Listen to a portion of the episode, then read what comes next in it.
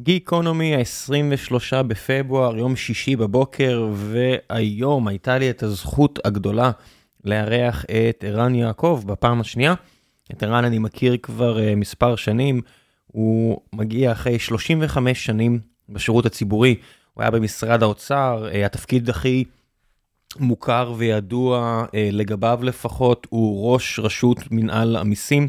בארץ, הוא היה אחראי בעצם על הגוף שגובה את, אה, את המיסים, אם זה מע"מ, מס הכנסה, כל מיני דברים כאלה שאולי נוגעים לכם, אולי לא, כנראה שכן, ויש להמון אנשים המון דעות לגביהם, ותמיד שדיברתי איתו, בתקופה שאנחנו מכירים, כשהוא היה בתפקיד אז מן הסתם יש הרבה דברים שהוא לא יכול לדבר עליהם, ועכשיו שהוא לא בתפקיד יש יותר דברים שהוא יכול לדבר עליהם, מן הסתם גם אחרי 35 שנה אה, בתפקיד אז הוא עדיין לא יכול להתבטא כמו שכולנו יכולים להתבטא בצורה חופשית, אבל עדיין היה לי מאוד מאוד מעניין לשוחח איתו ולהציף כל מיני אה, נושאים שקריטיים לעתידה של מדינת ישראל בתור מדינה אה, עשירה יחסית, מערבית, שיכולה להציע שלל שירותים ציבוריים, וזה הכל מגיע מהיכולת שלה להכניס כסף, והרבה מהכסף מן הסתם זה בסוף אה, מיסוי. אז המון המון נושאים חשובים שצצו פה, פרק... אה, חשוב בסך הכל והייתי שמח אם הנושאים האלה בכל מה שקשור לחקיקה ואכיפה ואמון והחשיבות של מס אה, היו נמצאים בפה של כולנו יותר ולא רק בדמות תלונות על כמה שקשה פה ויקר פה כי קשה פה ויקר פה. אבל אפשר שיהיה אה, פחות קשה פה אה, ואפשר שיהיה פחות יקר פה וכמה חבל שאנחנו לא לוחצים על המחוקקים שלנו בעיקר בעיקר להתעסק בדברים האלה לפני הכל ואני אומר את זה בעיצומה של מלחמה כל כך נוראית וכל כך קשה שגובה את חייהם של כל כך הרבה אנשים והורסת את חייהם של כל כך הרבה אחרים. ולפני שנגיע לפרק עצמו, אני רוצה לספר לכם על נותני החסות שלנו, והפעם אה, זו חברה שאני אפילו לא אציין את שמה. אה, אותה חברה הולך לה ממש ממש טוב, ממש טוב, והיא מחפשת לגייס צוות של אה, 15 מפתחות, מפתחים מוכשרים. אה, אנשי תוכנה חזקים שאולי עכשיו עובדים ביחד ורוצים להגיע כקבוצה. אז אם אתם עובדים, רוב הסיכויים אה, שזה יתאים באיזשהו סטארט-אפ שאולי מתקרב לסוף דרכו, ואתם רוצים להמשיך ביחד במעין אה, עסקה כזו שתאפשר לכם ותטיב עמכם ותאפשר לכם לשמור על, על הקבוצה הזו שלכם ולעבור לאחת מהחברות המוצלחות בעולם, כן? אה, לא פחות מאשר כך. אז אני אשאיר את האימייל שלי, אה, שלחו לי, אני מבטיח סודיות אה, מובטחת, זה חבר'ה שאני סומך עליהם ב-100%, אני מכיר את הנפשות הפועלות כבר תקופה. ואני אשמח לעזור לכם מהבחינה הזו, ניסוי שאנחנו מריצים פה בגיקונומי ונראה איך הוא יעלה. ועכשיו, לפרק עם ערן יעקב, מקווה שיהיה לכם מעניין.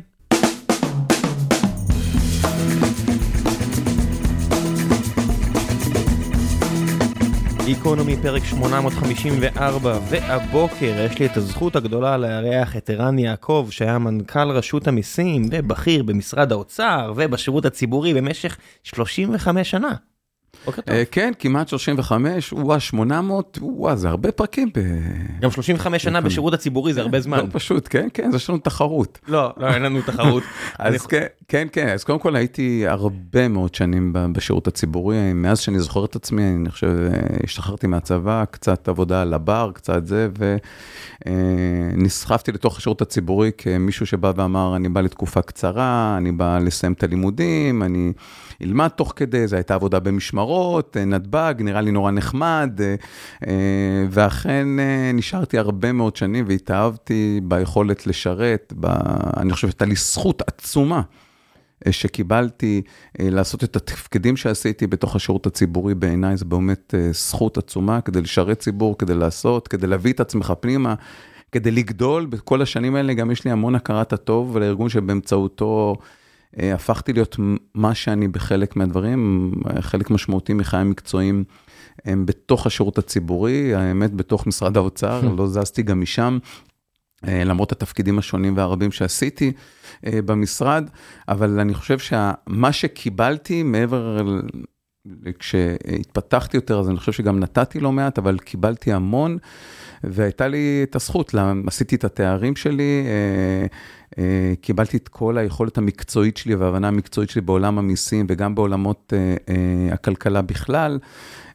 ועל זה יש לי לא מעט הכרת הטוב, ולצד זה אני מקווה שהצלחתי גם בעשייה. אה, לעשות אה, הרבה טוב ולתרום אה, באופן שבו ראיתי לנגד עיניי, להביא את ניסיוני, זה הרבה ניסיון ולמידה ועבודה קשה. אין, אין, אין קיצורי דרך. שמע, היית, היית מספר לי את כל הנאום הזה לפני שנה, הייתי אומר, בסדר, הוא בתפקיד, הוא חייב, הנה, עכשיו אתה כבר לא בתפקיד, אז אתה עדיין מכיר תודה, מוקיר תודה, ועדיין, עכשיו שאתה לא בתפקיד, תגיד, עכשיו אתה כמו כולנו, שאתה מסתכל, אתה אומר, אה, המדינה הזאת, אף אחד פה לא משלם מס, מה מס הכנסה עושים, על מה זה הולך? רגע, רגע. אז קודם כל, גם כשהייתי מנהל רשות המיסים, אה, אפילו ביתר סט ראיתי את הנתונים, האמת, בעניין הזה די עגומים, באופן שבו הכלכלה השחורה, או השדו אקונומי במדינת ישראל, אה, אה, היו עליות ומורדות, אני חושב שעשינו... איך, איך, איך בכלל לא אפשר לדעת את זה? עצור שנייה. זה אחד הדברים שבאמת, כמי ש... שאלה מצוינת. אח שלי כלכלן, ומדי פעם אנחנו נכנסים כזה לדיונים על זה, והוא... אתה יודע, עם נטיות סוציאליסטיות הרבה יותר ממני, והוא כאילו תמיד גם אומר, יש לו כל מיני דעות על הדברים האלו, ותמיד אנחנו נתקלים ב... על האמת, אנחנו בכלל לא מבינים את העניין, כי זה הכל לשים אצבע ברוח. זאת אומרת, אני רואה השוואות כזה בכל מיני אתרים שאני מנוי עליהם, ששולחים לי סטטיסטיקות של ההבדלים בין קוריאה לאיטליה לישראל, ואני אומר, אני לא מאמין, לא לכם, לא להם ולא לנו. אז קודם כל, אה, אתה צודק. היכולת לעמוד, אני לא חושב שיש עבודה אמיתית מדויקת שעומדת את הכלכלה השחורה בכלל. יש פערי מס שעושים, כן, במע"מ, במקומות אחרים, ששם יותר קל. פערי מס זה בין מה שהפוטנציאל הגבייתי שיכולת לגבות נגיד במע"מ, למה שאתה גובה בפועל. ואת הדבר הזה יש דרכים לאמוד דרך התוצר, דרך, אה, דרך המקרו, ולהגיע לאיזשהו מספר שנותן איזושהי מהימנות, מהימנות מסוימת. המשמעות של כלכלה שחורה, אני מסכים איתך, כש, בפרט כשאפילו, אתה יודע, האוצר אומר שהכלכלה שחורה נעמדת בין 7% ל-17%, אז אתה מבין שהטולרנס הוא עצום, כן? אבל... מה שכן זה נותן, זה נותן לך לפעמים בנצ'מארק, אם אומרים לך שמדינת ישראל זה בין 7 ל-17, אז זה יכול להיות כל מספר. 7 ל-17 אחוז מהתל"ג? כן, מהתוצר. צבוע ככלכלה שחורה, זאת אומרת, כלכלה שלא מדווחת, אין מע"מ, אין, אין כן, מס הכנסה. כן, כן, כן, לחלוטין, לחלוטין אה, שחורה, ובארצות הברית נגיד סביב ה-9 אחוז, או מדינות, או, ב, או פער המס, נגיד, כשמדברים על איטליה, לאו דווקא כלכלה, כלכלה שחורה זה 26 אחוז, תמיד על מה אתה מסתכל, אז אתה יכול לקבל איזשהו סדר גודל איפה אתה נמצא בכל השוואה. כן, אתה יכול להבין, גם אם אין מספר מדויק, אתה יכול להבין שהכלכלה השחורה היא, היא לא קטנה במדינת ישראל. אתה יודע איפה אני מרגיש את זה? בכל שיחה עם אנשים, ברגע שיש קצת, אה, אתה יודע, אנשים שאתה סומך עליהם ואף אחד לא מנסה להתרברב או דברים כאלה, אתה יודע, נגיד אני יושב עם החברי לימודים שלי, שפעם בכמה שבועות, חודשים אנחנו יושבים עם כל, המש... כל הילדים והכל, ואז אתה יודע, אני מסתכל, אנחנו יושבים, איזה אחד החברים קנה בית באחד היישובים המוצלחים של גוש דן, כזה בית פרטי, אני מסתכל ימינה שמאלה ואני אומר לפעמים, מה זה המטריקס הזה? אתה יודע, אתה, אתה עובד, אני עובד כל כך הרבה, ובסוף הנטל מס בארץ הוא משמעותי מאוד, כי הוא על הכנסה, לא על, אם לא ירשת, אז זה קצת מרגיש אה, לא פייר. אתה מסתכל ימין השמאל ואתה אומר, אני לא מבין איך אנשים, אתה מסתכל, אתה רואה אוטו יפה מעבר לכביש, אתה רואה בית נורא יפה, אתה אומר, אני לא מבין איך אנשים מצליחים לצבור פה בכלל הון, או אם אתה עובר בין, אה, אתה יודע, קריית טבעון, ליישוב ליד, אני בכוונה לא אציין שמות, אבל יישוב ליד, בקריית טבעון שזה כאילו עשירון 9-10, כל המכוניות רגילות. ואז אתה עובר את הכביש ליישוב ליד, במקרה ערבי, ופתאום פורשה, מייבך, ואתה אומר, וזה יישוב מעשירון 4. ואתה לא מצליח להבין מה, מה קורה, אתה חושד, אבל אתה לא מצליח להבין. שם זה בולט לי. אז אני אתקן אותך רק בדבר אחד. מבחינת נטל מס על, במיסים ישירים במדינת ישראל, נטל מס מהתוצר, הוא לא ברביע הגבוה. ממש לא, אפילו ברביע התחתון, מבחינת נטל מס ישיר. איך זה יכול להיות? עקיף זה סיפור אחר. עזוב, אני מדבר במדינה, בהשוואה בינלאומית, שמודדים באותו אופן. איפה לוקחים יותר? אז, אז הדבר הזה, כנטל מס. עכשיו, למה זה קורה? מהרבה סיבות. א', סף המס במדינת ישראל הוא גבוה, כי יש, אה, הציבור לא מבין את זה, גם מי שלא מדווח, לא מבין שהרבה פעמים הוא ידווח, לא בהכרח הוא ישלם, כי סף המס הוא מאוד גבוה.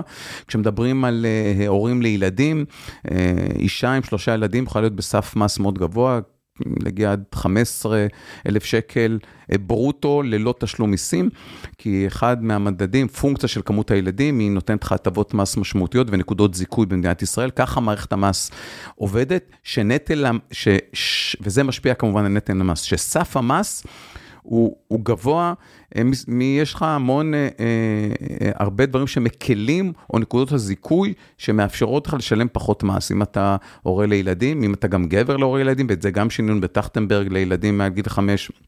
אז גם יש הטבות מס, כי רצינו לראות בתא המשפחתי. אז נעשו המון תהליכים במשך השנים, שנתנו הרבה מאוד נקודות זיכוי, ואפשרו לסף המס להיות מאוד גבוה. אבל איפה המס יותר גבוה? כשאתה עומד, יש, המס הסופי, נכון, הוא גבוה. הבעיה במערכת המס הישראלית בעיניי, שאתה מדבר על מיסוי ישיר, שאתה מגיע מהר מאוד למס שולי גבוה. כלומר, אתה למיסים, כולל ביטוח לאומי ומס בריאות, אתה כבר בשכר של 15-16 אלף שקל, כבר מגיע לשיעורי מס של 42 אחוז, וזה באמת גבוה. כלומר, אתה מהר מאוד מגיע לשיעורי מס... זה לא על כל הסכום, מי ששומע עכשיו ולא נכון. מבין איך זה, זה רק על, על השקלים מעבר הנוספים, למדרגות. הנוספים, נכון, כן, נכון. בסדר, אני רק לדייק שמישהו לא מבין נכון. עכשיו איך, אה, מה נאמר פה. אגב, זה, זה גם הבעיה, אגב, בנקודות זיכוי, כי בנקודות זיכוי מיד שאתה מסיים את ההטבה, אז על השקל הנוסף השולי אתה משלם את המס שבו אתה נמצא במס השולי. והרבה פעמים יש לזה משמעויות בקונטנטציה, או לפחות בשאיפה או ברצון שלך לעבוד. בשביל השקל השולי, ואז לא בטוח שהאינסנטיב הזה הוא מאוד טוב לעודד עבודה. על החסות של, אין לי בעיה להגיד את זה, אני מתפרנס מאוד טוב, אני עובד כבר הרבה שנים והמון על החסות לפרק הזה, אני והמדינה כמעט שותפים שווים. לא, לא יפה להגיד את זה, אבל אנחנו כמעט שותפים שווים. אתה יודע, אני הולך מביא חסויות לפרקים, ואז אנחנו מתחלקים כמעט חצי חצי. כן, יש הרבה שיח על, על נטל המס. אז מבחינה עובדתית, בנטל המס, במס הישיר, אז אתה יודע, אבל שוב, זה מספרים שאתה משווה ועושה השוואות בינלאומיות בסוף. אבל כשאתה באמת מסתכל על מערכת המס הישראלית, אין ספק שיש דברים שאפשר לשפר אותם, לעשות אותם יותר טוב. באופן חד משמעי זה אפשרות לרווח את המדרגות, לשנות אותם, לגרום לכך שבאמת לא מהר מאוד תגיע למס שולי מאוד גבוה. אה, אני חושב שבדבר הזה יש מה לעשות. זה בלי לפגוע, אבל הרי בשורה התחתונה, בסוף, מס זה לא, אתה יודע, כמו שהליברטריאנים אומרים, זה לא שוד, זה לא שמישהו בא לגנוב אותך בשביל, אתה יודע, כי הוא רוצה להשאיר את עצמו. זה מדינה. יש שירותים ציבוריים, צריך לממן את השירותים הציבוריים האלה, אז אתה אומר, אם אתה רוצה לרווח, אם אתה רוצה להקל, זה אומר שמישהו אחר יצטרך לשלם יותר. זאת אומרת, מאיפשהו זה צריך להגיע. אלא אם כן תייעל ותיקח, אתה יודע, שהשירות הציבורי יקטן, אבל בשנה של מלחמה, אז כולנו מבינים שזה לא הזמן הכי טוב לדבר על זה, אבל בכל זאת, מאיפה יגיע הכסף? שאלה מצוינת, אבל מערכת המס בנויה מהרבה נדבכים, יש מיסים ישירים, יש מיסים עקיפים, יש מיסים שהם מוטלים כדי לשקף אה, השפעות חיצוניות שליליות, והרבה פעמים זה דיבידנד כפול, כי אם אתה מטיל מס על משהו שגורם למשהו שלילי, זה יכול להיות אה, זיהום אוויר, זה יכול להיות תאונות דרכים, זה יכול להיות אה, כל פגיעה בריאותית, ואז יש לך דיבידנד כפול, כן? כי אתה בעצם פעם אחת... אה, מטפל בפעולה הלא רצויה, ופעם שנייה אתה מכניס כסף גם ברמה של יעילות כלכלית. אז זה בעצם סוג של דיבידנד כפול. אז מס יכול להיות בכל מיני רבדים, הוא יכול לק... לקיים או לקדם פעילויות רצויות, הוא יכול לדכא פעילויות לא רצויות, כלומר אתה יכול לשמש במס כמכשיר, וככה עושים בו, למעשה המס הוא מכשיר להכוונת מדיניות ממשלתית לא פעם, ולכן יש בו חופש פעולה. לפעמים עושים בו שימוש יתר, אה, כי לא רוצים אה, לגעת ב... או לשנות דברים, אז עושים את זה נגיד. אם רוצים לתת הטבה לפעילויות מסוימת, הרבה פעמים עושים, עושים את זה דרך מערכת המס, ויכול להיות שאנחנו עושים שימוש יתר הרבה פעמים בדבר הזה. תראה את כמות חוק, הפטורים שקיימים במדינת ישראל, וזה לא בארץ, לא סוד. חוק המס בארץ, אני צריך לשלם לרואה חשבון, אני מחבב אותו מאוד, אבל אני צריך לשלם לו לא מעט כסף, כי יש לי אפס סיכוי לנצל את כל ה... לא, זה לא פרצות, זה את החוק, לטובתי, נכון? כל בן אדם צריך למקסם בסוף את מה שהוא יכול לעשות. נכון. והרואה חשבון, כאילו, כל שנה, באמת, הוא בטח מאזין עכשיו, אז אני לא רוצה ללכלך עליו, אני אוהב אותו מאוד, אבל הנה, הוא אומר לי בסוף שנה, תראה מה הצלחתי לעשות עבורך. ואני אומר, למה זה הגיע למצב שהרואה חשבון צריך לעבוד קשה, כי תראה מה הצלחתי לעשות עבורך? למה זה פשוט לא, אתה יודע. תראה, אז במערכת המס בסוף... רגע, דיברנו על, על פן אחד של המערכת ומה ניתן לעשות בעולם המיסים. זה מאוד מורכב, הוא אז נהיה אני מאוד אומר, מורכב. כמ, אני בעיניי כמובן שאפשר לשפר דרך תמיל המס ולטפל, הנה אנחנו עכשיו עובדים בתקופה שגם יצטרכו אולי בעתיד להעלות מיסים, או לא, יש שיח על זה כי יצטרכו יותר הוצאות ביטחון. עלה המע"מ ל-18% ככוח- 2025, כן, מה זה בעתיד, זהו, עבר. כן, כן, לא, נכון, נכון, אבל אני חושב שהעולם שאנחנו נמצאים בו מ-7 לאוקטובר הוא עולם אחר, שונה, אני חושב שנעשה פה איזה שינוי מאוד משמעותי שיצריך אה, לערבב את הקלפים מחדש ולקבוע סדר יום אחר, וזה, אני חושב שזה גם ייגע לעולמות המיסוי, ועדיין יש לך... אה, לא מעט אפשרויות או חופש פעולה בעולם המס כדי להטיל מיסים, כדי להשוות אותך בהרבה דברים לעולם. זה יכול להיות מדברים נורא פשוטים, להטיל, להטיל מס אה, שלא קיים היום על מע"מ, שלא קיים על ניכוי על, על אפליקציות, על, על אה, כל מיני שימושים שעושים אה, גופים מאוד גדולים שהם נותנים שירותים בארץ ולא משלמים עליהם, לדוגמה מע"מ, שאין כמעט אח ורע לזה רגע, בעולם. עצור, עצור, עצור. אפל, אה, נניח אנחנו מתייחסים לאפל או גוגל, חנויות, מי שמחזיקות את חנויות האפליקציה, אני משלם להם אה, דולר, 30 סנט ליצרן האפליקציה. היום זה לא חייב, לא חייב במע"מ במדינת ישראל. הסיבה, כן, חוק שאומר את זה, מהותית זה חייב, כי בסוף אתה כצרכן סופי, כן, יש לך חובה לשלם את המע"מ, הדרך לגבות את זה היא, היא מורכבת ולא על מה לא? נטפליקס אני משלם מע"מ? אה, לא, נטפליקס באה ואומרת שאני חברה שאין לי, לי שום אה, אה, פעילות קבע במדינת ישראל, ולכן אני לא... מצד שני ל-yes אני כן משלם מע"מ. לא חייבת, כן, אז אני לא חייבת, ולכן הדבר הזה מצריך אה, שינוי, אני מקווה שהוא גם יקרה. וזה אגב, רק הדבר הזה הוא מעל מיליארד שקל אה, איך זה במדינות אחרות? בקל, מה שנקרא. הרי נטפליקס עובד ביותר רוב מ-100 המדינות מדינות. מנקים את המס עבור, כן, נטפליקס עושים, או עושים דרך ניקוי, מנקים להם את זה מה זה במקור. אומר מנקים? את המע"מ. נטפליקס שנותן, או שמוכרת שירותים, כן, אז היא מעבירה, אה, ב-OECD זה בצורה מסוימת, תלוי בכל, אה, יש מדינות שיטות. או באופן שונה, אבל הדרך הנכונה היא לעשות את זה פשוט, או הקלה ביותר, היא פשוט לנקות מהגופים הגדולים האלה בגין השירות שהם מוכרים את המע"מ, כן? זה יכול להיות אפליקציה, זה יכול להיות אה, שירות כזה ואחר שאתה אה, צורך אותו, ובגינו במדינת ישראל לא פעם לא משולם מע"מ, כשברוב מדינות, כמעט בכל, אני חושב, אין מדינה ב-OECD שיש בה מע"מ והמע"מ הזה לא נקבע. אבל יש עוד המון כיסים שאפשר לטפל בהם, שנמצאים פטורים בעולם המיסוי במדינת ישראל, שאני חושב שיש מקום לחשוב עליהם מחדש, ו, אה, ולגבות בגינם מיסים. ו... בדרך, ואולי מהצד השני, לנסות וכן לשפר את, המקודו, את המקומות שאפשר לשפר אותם, כן? תשמע, זה מפחיד, בוא נגיד בנטפליקס, מה כבר האיום? הם יעלו מחירים, ואז כל צרכן שיעשה כראות עיניו, אגב, לא זה בטוח, שירות- לא, לא אומר- בטוח שהם יעלו מחירים. גם אם כן, עם כל הכבוד, מדינת ישראל זה לא הבעיה שלה. עם כל הכבוד שמישהו ילך לצפות בתוך, בתוכן אחר, זה לא בעיה של מדינת ישראל אם היא רוצה לגבות את הכסף שמגיע לה. מצד שני, אפל וגוגל כמעסיקות כל כך חזקות, ואפל כחברה נקמנית, ש, שאם מישהו באיחוד האירופי עכשיו רוצה להגן על ספוטיפיי, חברה סקנדינבית, ועושה חוקים, פתאום אפל משתוללת. עושה חוקים שפשוט יפגעו באיחוד האירופי. אני למשל לא פוסל שחברה כמו אפל, אם יעשו לה משהו, איזה פולי שטיק בארץ, אז היא פשוט תפסיק לשכור פה עובדים. זאת המחיר של להתעסק עם חברות כאלה, שאף אחד לא באמת מפקח עליהן, כי הן גדולות מכל הממשלות, זה באמת מפחיד. אז קודם כל, בנקודה הספציפית הזאת, כמי שהיה לו שיח עם חלק מהחברות האלה, ממש ברודשו שעשיתי בפגישות עם אותן אה, חברות, נגיד בעניין הספציפי הזה, אין להם שום בעיה שהמס הזה ייגבה, הם לא רואים כי הם רגילים לשלם אותו בכל מקום אחר כמעט אבל בעולם. הן לא אוהבות שלהם אקסטרה כסף. אבל אין להם, אז הן- יודע, יודעות באופן ברור, ואין להם שום בעיה לשלם את המס הזה, הבעיה היחידה שיש, הם ירצו זמן כדי להיערך, כמו שהן אה, משלמות אותו אה, בעולם, לשלם אותו פה. אז יש דברים שיש איתם ויכוחים, במיסים ישירים ואחרים, בעניין הספציפי הזה, אין מחלוקת לא אצלם, אגב, גם לא אצלנו, בטח לא ברמה המקצועית, לגבי תשלום המס הזה. למה הוא לא קורה? אז זו שאלה שאנחנו צריכים לשאול את עצמנו, אבל עובדתית, גם הדבר הזה כהשפעה על תפיסתם, על הכלכלה, ואולי להדיר את רגליהם, בטח הדבר הזה לא ימנע או לא יגרום לשום דבר כזה, כי ברור להם שאין סיבה אמיתית לא לשלם את המס הזה, בטח בעולם שוויוני, בטח בעוד הרבה אה, תפיסות אחרות, אין שום סיבה, וגם הן מבינות את זה היטב, ואני אומר לך את זה באחריות, כמי שגם...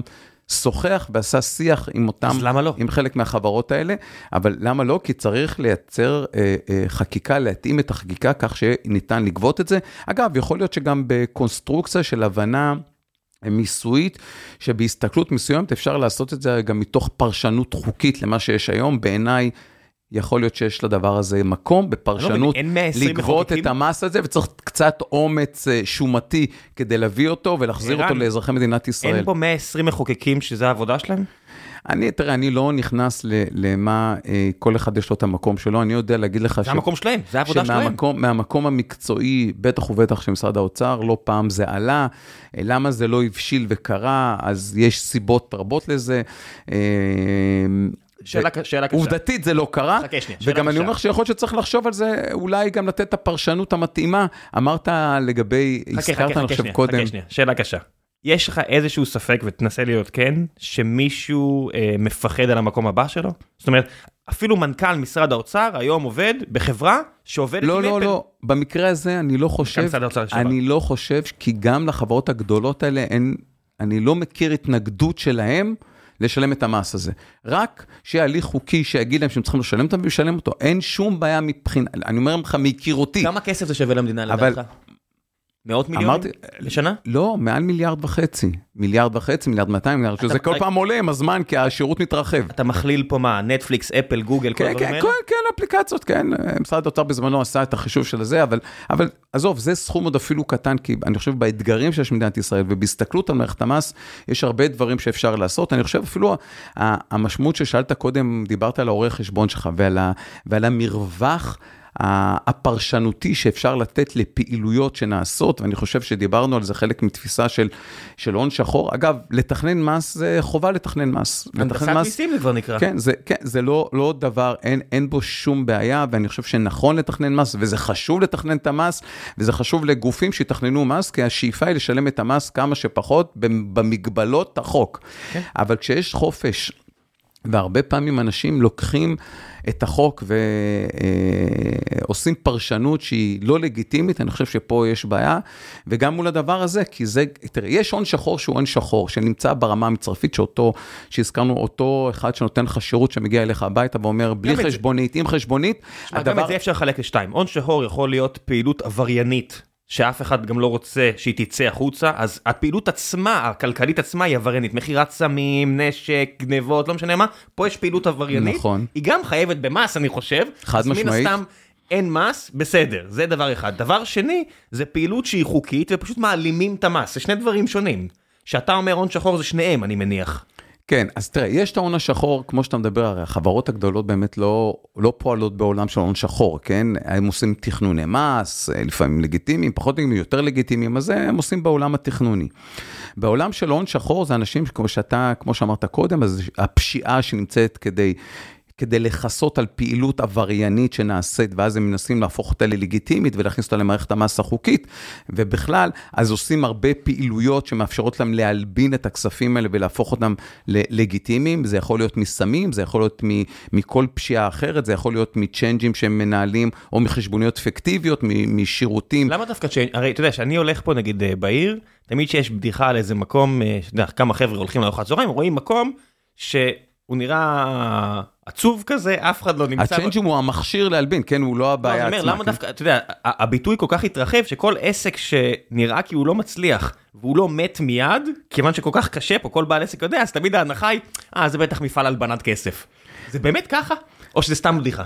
לא, תראה, אני לא יודע, אבל אין ספק שהפעילויות הפעיל, לא, האלה מתרחבו, מתרחבות, ויש צורך לטפל בהם ולטפל בהם אתמול. כלומר, יש תהליכים שעושים ונעשו בתוך הממשלה, ודעתי הם אה, תהליכים שנעשו בצורה טובה, וצריך להרחיב אותם ולהגדיל אותם. זה התחיל במסלול בטוח, מסלול ירוק, המון דברים שעשו, המון, זה הייתה כדי להילחם בפשיעה בחברה הערבית, אבל הפשיעה קיימת לא רק בחברה הערבית, היא קיימת בכלל, ואני חושב שצריך לתת על זה את הדעת, וכדי, ולטפל בתופעות האלה, אז יש הרבה דברים שגם פה צריך לעשות כדי לשפר את היכולת של גופי האכיפה לטפל בהם בצורה טובה יותר ומיטבית יותר. זה מתחיל ממשאבים, זה מתחיל מכוח אדם, זה מתחיל בטכנולוגיה, לאפשר למשטרה, לגופים אחרים להשתמש בטכנולוגיות שמאפשרות, ולרשות המיסים כדי לטפל בזה. צריך לתת כלים, וכלים שמתאימים לתקופה הזו. תשמע, שאלתי אותך פעם שעברה שהיית פה, אה, בדרך כלל על הוצאה ציבורית שאתה מעלה, יש בעיה. אתה מעלה הוצאה ציבורית, במקרה הטוב, הדיבידנד יהיה עוד עשר שנים שאתה כבר תהיה אזרח ואף אחד לא ינקוב, אף אחד לא יגיד שזה בזכותך. הנה דווקא פה עכשיו היה רצף, הילה חדד הייתה ואהוד אולמרט היו בשבוע האחרון, שניהם פרגנו לישראל כץ, בן אדם שמעטים האנשים שמפרגנים לו בשנים האחרונות, ושניהם בחרו לפרגן לו למרות שלא נראה לי שיש שם הרבה אהבה בין כל האנשים האלה, ואמרו כשר תחבורה הוא עושה דברים טובים. אז הנה מגניב שאפשר אחרת, אבל בפועל זה ברוב, לרוב לא קורה. מצד שני, אם אתה עכשיו היית יכול לגייס נגיד עכשיו שר האוצר מגיע ופותח תקנים ב-500 מיליון שקל לפקידי שומה, לגובים, לטכ... לטכנולוגים, שמשרד, שמס הכנסה פתאום יגדל מאוד. הדיבידנדים יהיו תוך שנה-שנתיים, לא? רגע, אז קודם כל, כמי שהיה, אתה יודע, עמד בראש המערכת הזאת, אני יכול להגיד לך עד לא מזמן, ויש לי הרבה ניסיון אוצרי, אני לא חושב שיש בעיה של תקנים כרגע, בטח לא ברשות המיסים. ואין מניעה ואף אחד לא מונע מהם. הבעיה היא לא התקנים, הבעיה היא, היא משהו שבא לפתחו של המשק בכלל. אגב, אחרי הקורונה, אני חושב שזה אפילו בעיה אה, עולמית. העניין של תמיל וכוח אדם וההיצע שקיים וה, והרצון של האנשים לבוא גם למערכות האלה וגם לסוג של עבודה כזו. כן, מה שקרה הוא שדווקא היום הבעיה היא לא תקנים, אלא הבעיה היא הקושי בלגייס אנשים וגם אנשים טובים, בעלי השכלה מתאימה, זה השכלה כלכלית, השכלה... השכלה חשבונאית, גם אה, אה, משפטית, שהם אנשים טובים שיכולים לשנות ולהזיז את המחוג בגופים האלה, ואני חושב שזה אתגר מאוד גדול, גם לרשות המיסים, גם כשאני הייתי בתפקיד, עסקנו בזה לא מעט, למרות שהנתונים של העזיבה בשנתיים, יש המון שיח, ואני אפילו קיבלתי כותרות בעיתון על זה, באיזה עיתון כלכלי מוביל, רק הוא לא בדק את הנתונים עד הסוף לצערי. וקיבלת, כאילו הדביקו לך את האשמה? כן, בסדר, אני לא בא בטענה על זה, אבל יש עובדות, ועדיף לפעמים לבדוק את העובדות, ולראות את כמות העוזבים, נגיד בשנתיים האחרונות ביחס לתקופות מקבילות, וכמות הנכנסים שבאו לתוך רשות המיסים.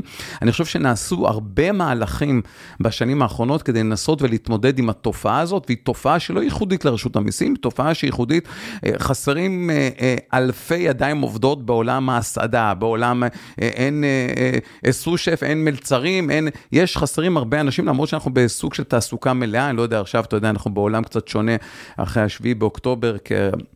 ואני מקווה ש... אבל סך הכל המשק והאופן הכלכלי שמדינת ישראל עומדת בו, היא בצורה איתנה וטובה, ואפשר... זה לא עניין של שכר ערן, זאת אומרת, בסופו של דבר, עכשיו, יש פה מפעל שמייצר כסף. שוב, אני אומר, אני לא נכנס פה למוסר והכל, זה מפעל שמייצר כסף. לא משתלם לי אפילו להגיד, אוקיי, מס הכנסה, כל מיני דברים כאלה, אז אני אשלם פי שתיים. אני אגדיל את, המחיר של הדבר הזה לציבור מ, לא יודע מה, נניח מיליארד לשני מיליארד, אבל הם ישיגו אה, שומה שגדולה פי שתיים וזה משתלם לי הרבה יותר. אני מבין, אי אפשר פשוט לפתוח את הראש ולהביא את האנשים האלה? תראה, זה תמיד הטיעון שלנו היה, כשאנחנו היינו צריכים להסביר למה צריך, אז אמרנו, אנחנו בעצם קו ייצור שמייצר אה, הכנסות, וככה, אני, לפחות אני, אה, שרשות המיסים היום מסתכלת ועובדת כמו כל גוף עסקי, יש לה תהליך עבודה, יש לה אסטרטגיה, יש לה תפיסת הפעלה, כמו כל גוף עסקי לחלוטין, וכמו כל... קו ייצור שאתה צריך לייעל אותו, אתה צריך לשפר אותו, אתה צריך לפעול למען הציבור, אתה צריך לייצר, למצות את הזכויות טוב יותר למען הציבור, אתה צריך לעשות המון מהלכים שבשנים האחרונות נעשו ברשות המיסים, ואין לי ספק שימשיכו ויקרו כך בעתיד על ידי אה, עובדי רשות המיסים ומי שעומד בראשה, אין לי ספק. אתה צודק שלפעמים, הרבה פעמים, שהעניין השכרי הוא היה עקב אכילס בכלל של עובדי ציבור, של השירות הציבורי. אבל אני, כמי שהייתי גם ממונה על השכר, אני יכול להגיד לך שהשכר במדינת ישראל, גם בהשוואה למדינות אחרות, אפילו לבריטניה, אם תעשה השוואה, אתה תראה שהוא, אם משווים בצורה נכונה, הוא לא שכר לא מכבד. אני, אין ספק שיש מה לעשות לא מעט, לפחות כדי לעשות שכר דיפרנציאלי יותר לאנשים שבאים עם השכלה משמעותית, באים עם באמת עם המון יכולות, אם אתה רוצה לצרף לשורותיך אנשים טובים, אין מה לעשות, אתה צריך גם לדעת לתגמל אותם. לא, ערן, גם יש בעיה של... והתגמול הוא גם שכרי וגם אחר, דרך אגב, כן. צריך להגיד. כבוד בסוף, ולתת לך גם... לא רק, לא רק, צריך לזכור שבסוף האנשים שחלק מהיכולת שלהם אה, אה, להגיע לאחר מכן ולקבל, להצליח גם בעולם, אה, הפרטי, אז זה גם כי קולטים אותם על בסיס של אנשים מאוד טובים, אז הם יצליחו בכל מקום מן הסתם. והדבר השני הוא באמת כי הם גם מקבלים המון ידע ומקצועיות ששווה, שאותה הם יכולים לפרוט לאחר מכן. אבל אני חושב שהבעיה היא של גיוס עובדים טובים, היא לא רק קיימת ברשות המיסים, היא קיימת בכלל בשירות הציבורי. תראה את המשטרה, שהתקנים פתוחים, היא קיימת, אבל... נכון, נכון, נכון. אגב, תזכור שזה כישורים אחרים, אבל אני מסכים איתך. אבל המשטרה יגידו לי, אה, מה, אבל המשכורת הממוצעת היא 19,000 שקל, ברור שזה משכורת טובה, אבל אני אומר, כן, אבל בוא נראה שונות. בן אדם שאשכרה עושה את התפקידים ההתחלתיים של שוטרים, שזה תפקידים מזעזעים, כולם לא מכבדים אותך, הציבור הישראלי הוא נוראי לשוטרים, ואני, אתה יודע, הרבה פעמים חלק מהציבור הזה, אתה יודע, כאוהד כדורגל והכל, אבל אין, אין כבוד בכלל, אין, אתה יודע, מתייחסים אליהם נורא, עבודה מסוכנת, זו עבודה מסוכנת, עבודה של הקרבה, והם מקבלים משכורת שהיא לא ה-19,000 שקל האלה, כי זה מפוזר בין הבכירים של המשטרה, שאתה יודע, הרבה פעמים לא עושים כלום, כי אני יודע את זה, כי יש לי חברים במשטרה, לאנשים למטה, יודע, הממונה על, על, על המשכורות לא יכול לנער את הארגון הזה ולסדר את אז המשכורות? הנה, אז בוא, אז בוא, כמי שגם הייתי פעם ממונה על השכר, אני יכול להגיד לך, אני אומר, אני שואל אז אותך זה- בגלל זה זה. הממונה על המשכורות כן, אפרופו. אני שואל- שואל אבל אותך. אני יכול להגיד לך שגם המשטרה שעושה עבודה במדינת ישראל היא שונה מפעילויות שעושים בעולם, ויאמר לזכותם באמת שיש לנו משטרה טובה,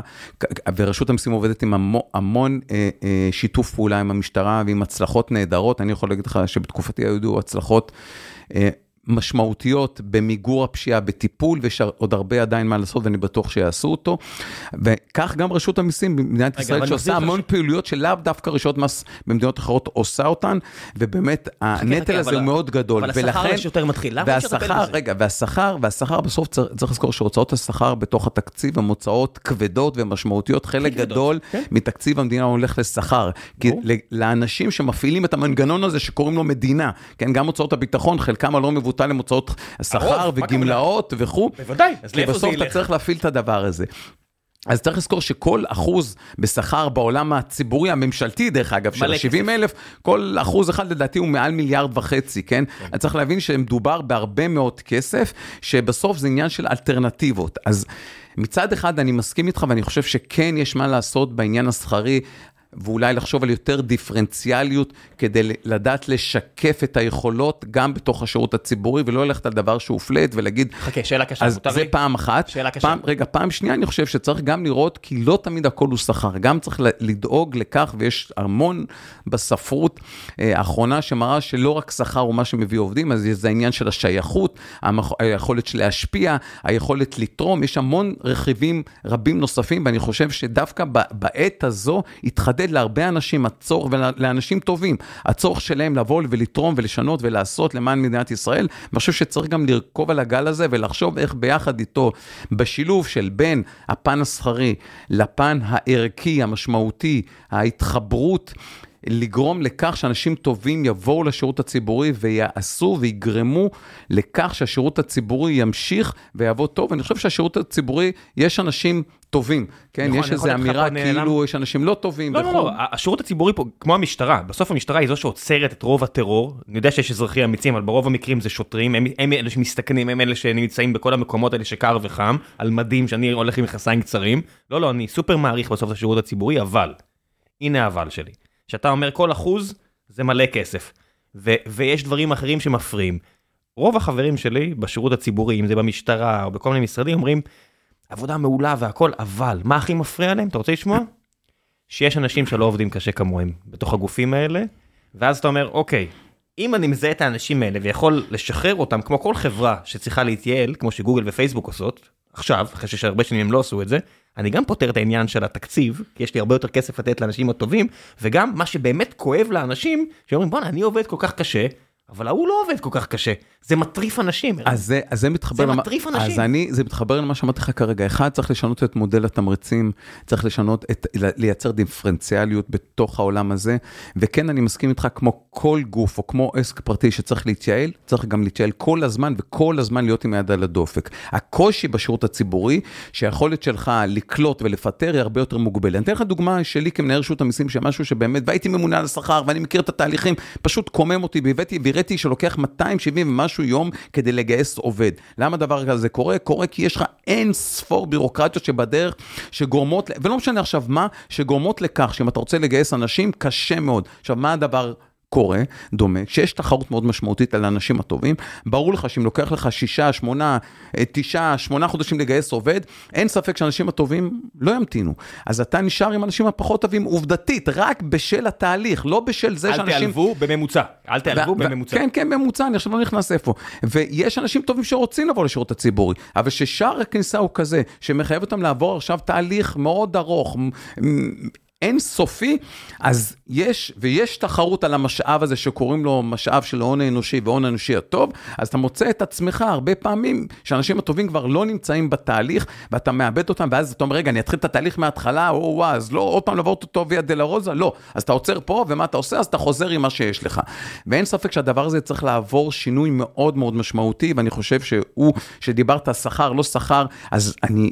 לא אומר ש... לא, אמרתי שהבעיה היא במקום אחר, אז אני אומר, שים לב. אז אני אומר שבסוף צריך להסתכל זה הוליסטי, מתהליך הגיוס, אז תהליך השכרי, וכלה ב- בלייצר, בתהליך התמריצים, כלומר יש הרבה דברים אתה שצריך... בורח עם משהו אחד שאמרתי, ש?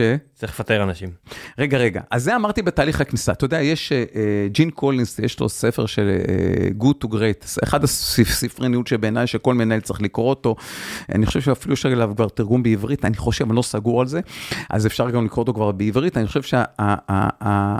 אחד מהדברים שהוא, שהוא אומר שם, שאני, הרבה דברים, אחד מהדברים שלקחתי, שהוא אומר, בעולם הניהול, הכי חשוב, איזה אנשים אתה מעלה, ת, תגייס אה, אה, אה, לאט, תפטר מהר.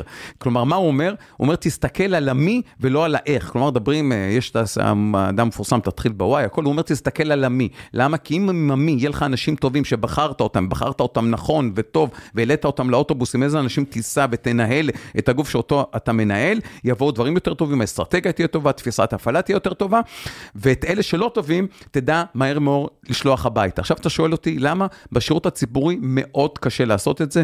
כלומר, גם אלה שהם פחות טובים, תמיד חושבים שהם הכי טובים, אז אתה פה פעם אחת... כולנו יכולים לחשוב שאנחנו הכי טובים, לא, לא. ברור. אז פעם אחת ברמה הסובייקטיבית, שזה לפעמים סובייקטיבי מבחינתם, אז אתה תקוע בבעיה.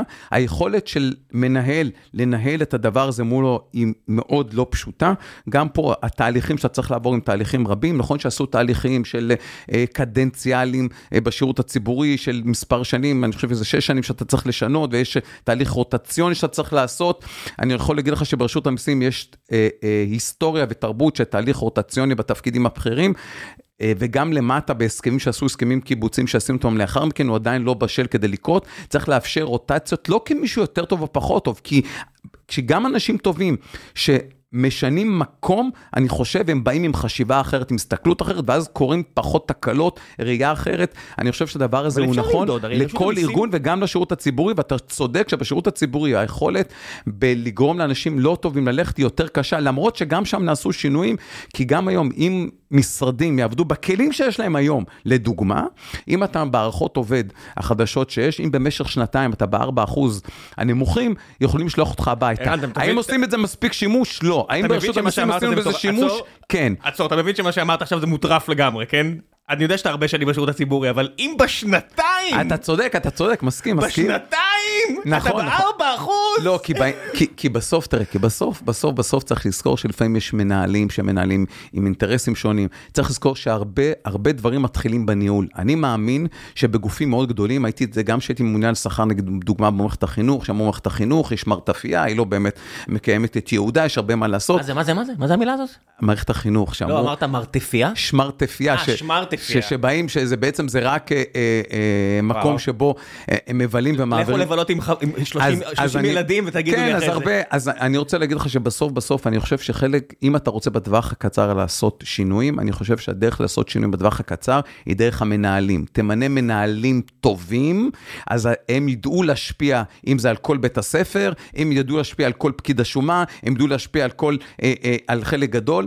אז אני חושב שהדרך צריכה להתחיל בזה שימונו אנשים טובים במקומות, במקומות המפתח, שהם ימנו אנשים טובים מהם, שהם ימנו אנשים טובים מהם, שהם ימנו אנשים טובים מהם. אבל כל עוד ימונו אנשים בינוניים שממנים אנשים פחות טובים תחתם, והם ממנים פשוט פחות אנשים טובים תחתם, הדבר הזה משפיע על כל הארגון נקודה, ואז אל תתפלא שאין לך מענה. אתה יודע מה הטרגדיה פה? אנחנו אה, מדינה שקמה על ידי ממשל אה, סוציאליסטי מאוד על גבול הקומוניסטי בהרבה חוקים ומאז 1977 אנחנו נמצאים אה, בשליטה של מה זה בממשל לא שליטה אנחנו לא דיקטטורה בממשל שהוא כביכול ליברלי ימני כביכול. ומה שאנחנו- שאתה מתאר זה כאילו אתה יודע זה זה לא זה אולטרה סוציאליזם ואני אומר עכשיו יש פה ממשל ימין על מלא. הם עושים משהו כדי להפוך את זה לימין על מלא? תראה, אני לא... ימין לא... כלכלי מדיני. כאילו, עזוב מדיני, ימין כלכלי. אני... אני... אני... אה, אתה מכיר הרי את הנפשות. לא, כן, אבל כתוב, תראה, אני לעולם את ה... אני לא אומר, מה- אני לא שואל אותך מה אתה חושב שצריך לעשות, לא, אני זו- רק אומר, האם זה זז ימינה באיזשהו לא, תראה, אני, אני יכול להגיד לך, כמי שנמצא הרבה, שהיה הרבה שנים בשירות הציבורי, ואני יכול, ותמיד הסתכלתי על הדברים מתוך ראייה מקצועית, והרבה פעמים נתקלתי גם לא במעט דברים שלא תמיד באו מהמקומות האלה. אז אני תמיד עשיתי את ההבחנה, ואני חושב שנכון לעשות אותה, ואין מה לעשות. יש, ואני חושב שדיברנו על זה גם קודם, יש את העולם הנבחר, שעם כל הכבוד אה, לאנשים המקצועיים, לי ששירתתי ואחרים, בסוף יכולים להגיד את דעתם, דעתם, נכון שיילחמו את דעתם, אבל בסוף יש גם דרג נבחר, ומי שבחר אותו זה הציבור, ובסוף יש לו לא פעם את המילה האחרונה, וככה זה בעולם דמוקרטי, וצריך לדעת לקבל את זה, ולהשלים עם זה, ויש מקום שבו אפשר, מי שרוצה לעשות שינויים, שיעשה אותו שם. אז אני, אני, אני רושם את התשובה שלך כלא, לא נעשה דברים ימינה. רגע, רגע, אז אני, לא, אני לא, לא נכנס לנסה לא נסה, אני צריך, חושב, כן. אני כן חושב שנעשו הרבה דברים טובים במשך השנים, אה, אה, ברבבות השנים האחרונות, אה, בתוך השירות הציבורי, וזה בא בהרבה מקומות. אני חושב שיש לנו את מערכת הבריאות מהטובות בעולם, שהיא מערכת בריאות אוניברסלית, אני חושב שיש לנו מה להתגאות שם. אז אפשר, אתה יודע, כל הזמן לדבר על, ה, על, ה, על החצי הריק. אני מסתכל תמיד, אני מנסה להאחז ולדבר בדברים הטובים, אני חושב ש... וגם כשעושים את ההשוואות, לא תמיד משווים את אותם דברים. כן, אני... נורא חשוב שאם משנים משהו, בוודאי לא לשבור, כי יש פה הרבה, זאת אומרת, אתה לא מסתכל פה על משהו שהוא דיספונקשיונל לגמרי, שאתה אומר בוא נשדד מערכות לגמרי ונהרוס. לא, אי אפשר, זו מדינה שמשרתת עשרה מיליון אזרחים, ויש פה הרבה דברים שעובדים, אז ברור שאי אפשר להתפרע לגמרי. בדיוק, אז יש הרבה דברים שעובדים. ש, של מדינות, יש לנו עולם הייטק נפלא, שנשען על אנשים נפלאים שמייצרים פה ערך, אנחנו רואים את זה בכמות הייצוא של מדינת ישראל, ש, אה, שייצוא 50% מהשירותים, אה, זה ייצוא שירותים, אנחנו רואים את זה אה, כ, כמשהו שהיה בק, בתקופת הקורונה, כיפת הברזל הכלכלית הייתה עולם ההייטק שאפשר לנו לחזור מיד לאחר מכן לצמיחה מטורפת, מעל 9%, 9.4, שמע, אני חושב כלל- שזה טמון, ואת זה צריך להמשיך ולחזק, רגע, לצד עצור, עוד. דברים שצריך טוב, לטפל בהם. בוא נדבר שנייה הייטק, כי הרבה פעמים שמגיעים פוליטיקאים, ב- אתה יודע, בנימין נתניהו וכאלה, בזכותי, אם לא אני, עגבניות, כל הדברים האלה, ואנשים, אתה יודע, בתוך הטק שלא מרגישים בשביל הממשלה, לא תמיד אה, מסכימים עם זה. במיסוי, יש הרבה מאוד קשר להצלחה או כישלון של יזמויות פרטיות, כי זה משפיע, תמריצים. עכשיו אפשר להתחיל, בוא נפרק את, את את העניין הזה לכמה דברים. דבר ראשון, מיסוי אה, על יזמים, החוק פה מאוד מפרגן ל, ליזמות, כי המס, אני לא יודע אם אתם יודעים, אני חושב שגם דיברנו על זה פעם שעברה, אתה עושה אקזיט, המס שאתה משלם עליו, שתשלם על הכסף הוא 28 אחוז, 25 פלוס 3 אחוז מס יסף, כי זה יהיה מעל כנראה, זה הרבה הרבה הרבה פחות מאשר המס הרגיל. הנה, תמריץ. אז מגניב והמדינה באמת עוזרת פה. האם המדינה עוזרת גם לחברות להגיע לכאן? זאת אומרת, היה תמיד את הסיפורים על אינטל והכל. מה דעתך על זה? זאת אומרת, אני מסתכל נגיד על אירלנד, שמשכה את כל התאגידים והיוותה שם את הכלכלה. על הנייר אירלנד זה המדינה הכי עשירה בעולם. ברור שהתושב הרגיל לא מרגיש ככה כנראה. איך רשות המיסים מסתכלת על זה? על היכולת שלה להביא לפה מעסיקים. אז תראה, זה ויכוח שקיים אה, לא מעט, ויש כאלה שמייצגים את הצד הזה, שאומרים שמדינת ישראל הלכה צעד אחד קדימה מדי באופן הטבות המס שהם יצרו לחברות, דרך אגב, אם זה בחוק עידוד השקעות הון, אם זה בהטבות שנמצאות להייטק מכל מיני היבטים, לחברות עצמן, כן? כי זה יכול לנוע בין 5% ל-16%, ובמקרים מה זה, מה זה מסוימים גם המספרים. שאמרת? שיעור המס הישיר שחל על חברות בקריטריונים מסוימים שיכולים לקבל שיעורי מס נמוכים על מה? על משמעותיים. מכירות בתוך ישראל? על מה בעצם הם מס חברות, מס חברות. אבל חברה, אבל מס חברה- חברות הולך על על הרווח, על לא- הרווח. לא על הכנסה. אז לעולם רווח שאני. רושם בתוך ישראל, הרי אם אינטל אה, מייצרת פה מעבדים, חברה כן, שווה אבל- 200 אבל- מיליארד, הרי בסוף היא מוכרת הרוב זה לא מה פה. שמיוחס לישראל כמובן, כן? כי גם, גם, גם, גם על הדבר הזה יש המון אה, אה, סאגות ושיח עולמי, דרך אגב, על, על האופן שבו ועל מה שצריך למסות, וגם על זה יש ויכוח שנראה עוד איך יסתיים, אה, שמתקיים כבר מעל עשור ב-OECD לגבי האופן שצריך להתייחס לדברים האלה בעולם אה, המס, ואיך שוחקים את מערכת המס העולמית. החברות בהתאם לצורך שלהם להקטין את חבות המס שיש עליהם, ובדבר הזה הם עושים אה, משחק עולמי, אבל שהולך לא- ומצטמצם, ויצטמצם יותר ככל שפילר 1 ופילר 2 אז זה נחמד יבואו לגרמניה. לעולם, כן. ב- מדברים על כך במחצית 24 לישראל, אני עדיין לא יודע, זה גם תלוי חכה, מה יהיה. בארצות הברית, חכה, אה, חכה, ואיך בוא- הבחירות יסתיימו שם. בוא נדבר שנייה על דברים שאמרת. באיחוד האירופי יש כמה מדינות. היה מדינות עניות כמו אירלנד ומדינות עשירות כמו גרמניה. אירלנד עשתה פוליש שטיק מיסויי, משכה את כולם לדבלין. יש מדינות כמו גרמניה, שזה עכשיו הכלכלה שוב השלישית הכי גדולה בעולם, אה, משחקת את זה עם יפן, לא כיף לה. היא לא כיף לה שיש עיוותים כאלה, היא רוצה להישאר עשירה. עכשיו, למדינות קטנות, כמו ישראל, כמו אירלנד, כמו אחרות, יש הרבה אינטרס, נגיד הנה טאוור עכשיו, שלא נקנתה על ידי אינטל כי הרגולטור הסיני תקע להם מקל בגלגלים, אומרת, לא תביא לי הטבות, אני הולכת. איפה הולך, איפה עובר הקו בשיקול של אז תלכו, לעומת תשארו, תשארו, תשארו, נביא לכם מה שאתם רוצים. אז, אז קודם כל יש, בעולם המיסים יש את המרוץ התחתית, שמדינות נלחמות על חברות שיבואו אליהם, ואמרתי, כמו שאני הזכרתי קודם, יש טיפול, אג, אגב, בדבלין לפחות יש משהו אחר, יש בירה טובה, כן? אז uh, יש לנו... גם פה יש בירה טובה, זאת אותה גינס. יש לנו מה להתך, אותה גינס. אה, כן. הם, הם רואים בזה מזון. סבבה, זאת אותה כן, גינס. כן, כן. הנה, אני רואה שיש פה אוהבי גינס. כן, אותו גינס. אז, אז, רגע, אני עובר מהנוזל כן. השחור והטעים הזה. לעולם שבו אנחנו אה, נמצאים ובתחרות שיש לנו מדינות אחרות. אז אני חושב שמדינת ישראל השכילה ועשתה המון תהליכים עוד אה, מסוף שנות ה-80, ב-90, 93, עת קמה אה, קרן אה, יוזמה שהמדינה באמת עשתה, וגם עכשיו משרד האוצר, חושב, עושה תהליכים טובים כדי להמשיך ולדאוג כך שהחברות האלה והיוזמות האלה, הקטנות שצומחות לדברים גדולים, ימשיכו ויהיו פה, וזה, אני חושב שזה תהליכים בכיוון הנכון, ועושים, אני חושב שעושים עבודה טובה, צריך להגיד גם את זה. עד כמה זה אנליטי? כן. אתה יכול לבוא נגיד להגיד ל-NVIDIA, אני אוריד לכם את המס, אם תביאו לפה עוד 200 עובדים. אז, תראה, אתה, אתה, לא אז אומר... אתה מקבל פחות כסף פה, אבל 200 עובדים בשכר גבוה משלמים מלא מס למדינה. זאת אומרת, זה ממש ככה באקסל? תראה, אז קודם כל אתה מסתכל על החברה אה, כמייצרת מס בכל מיני היבטים. יש את המס שהוא, את הניכויים, שהוא בא כתוצאה מהשכר. וזה לא סוד שחלק גדול מהשכר הממוצע, או חלק גדול מה, מהניקויים, כן, כמעט 27% מהניקויים כהכנסות מגיעים מאותם 11%, 10% של עולם ההייטק, של מועסקים, שיש שם, לא יודע, אה, היום 470, אה, לא יודע, משהו כזה, אלף אנשים שנמצאים בעולמות האלה, אבל אני חושב שזו ברכה פעם אחת שגם באה לידי ביטוי ברמה השכרית, יש לזה גם חסרונות. ה-27 אחוזים שציינת זה מס ישיר, כמובן שהחבר'ה. זה הניכויים שכתוצאה... כן, אבל... שהם לא בפרופורציה לאחוז שנמצאים, בגלל שהשכר שם יותר גבוה. הכל טוב, אבל אתה מדבר עכשיו רק על הניכויים הישירים. כן, כן, כן. החבר'ה כן. האלה גם קונים אה, דירות, שהמס עליהם בארץ הוא גם מאוד גבוה. לא, רגע, רגע, יש לזה, כן. גם, יש לזה גם חסרונות, כי כן, יבוא מישהו ויגיד לך.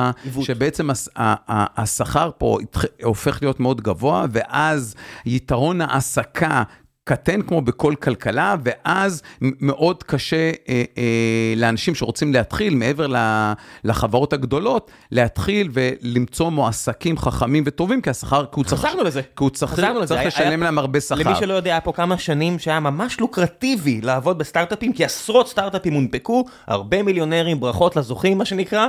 חזרנו לימים שאם אתה לא עובד באנווידיה, פייסבוק, גוגל, חבל, הפער הכנסות שלך, ומצטער נפץ את הבועה בין סטארט-אפ לתאגידים הענקיים, הוא עצום. אז קודם כל העולם עובד בסקייל של בועות, כל הזמן יש בועות ומתנפצות, כן. בועות ומתנפצות, זה עובד כמו סינוס. אז זה נכון לעולם התעסוקה, זה נכון לעולם הכלכלה, זה נכון לעולם הבועתי, וזה עניין עולמי, זה לא רק עניין ישראלי, בסדר?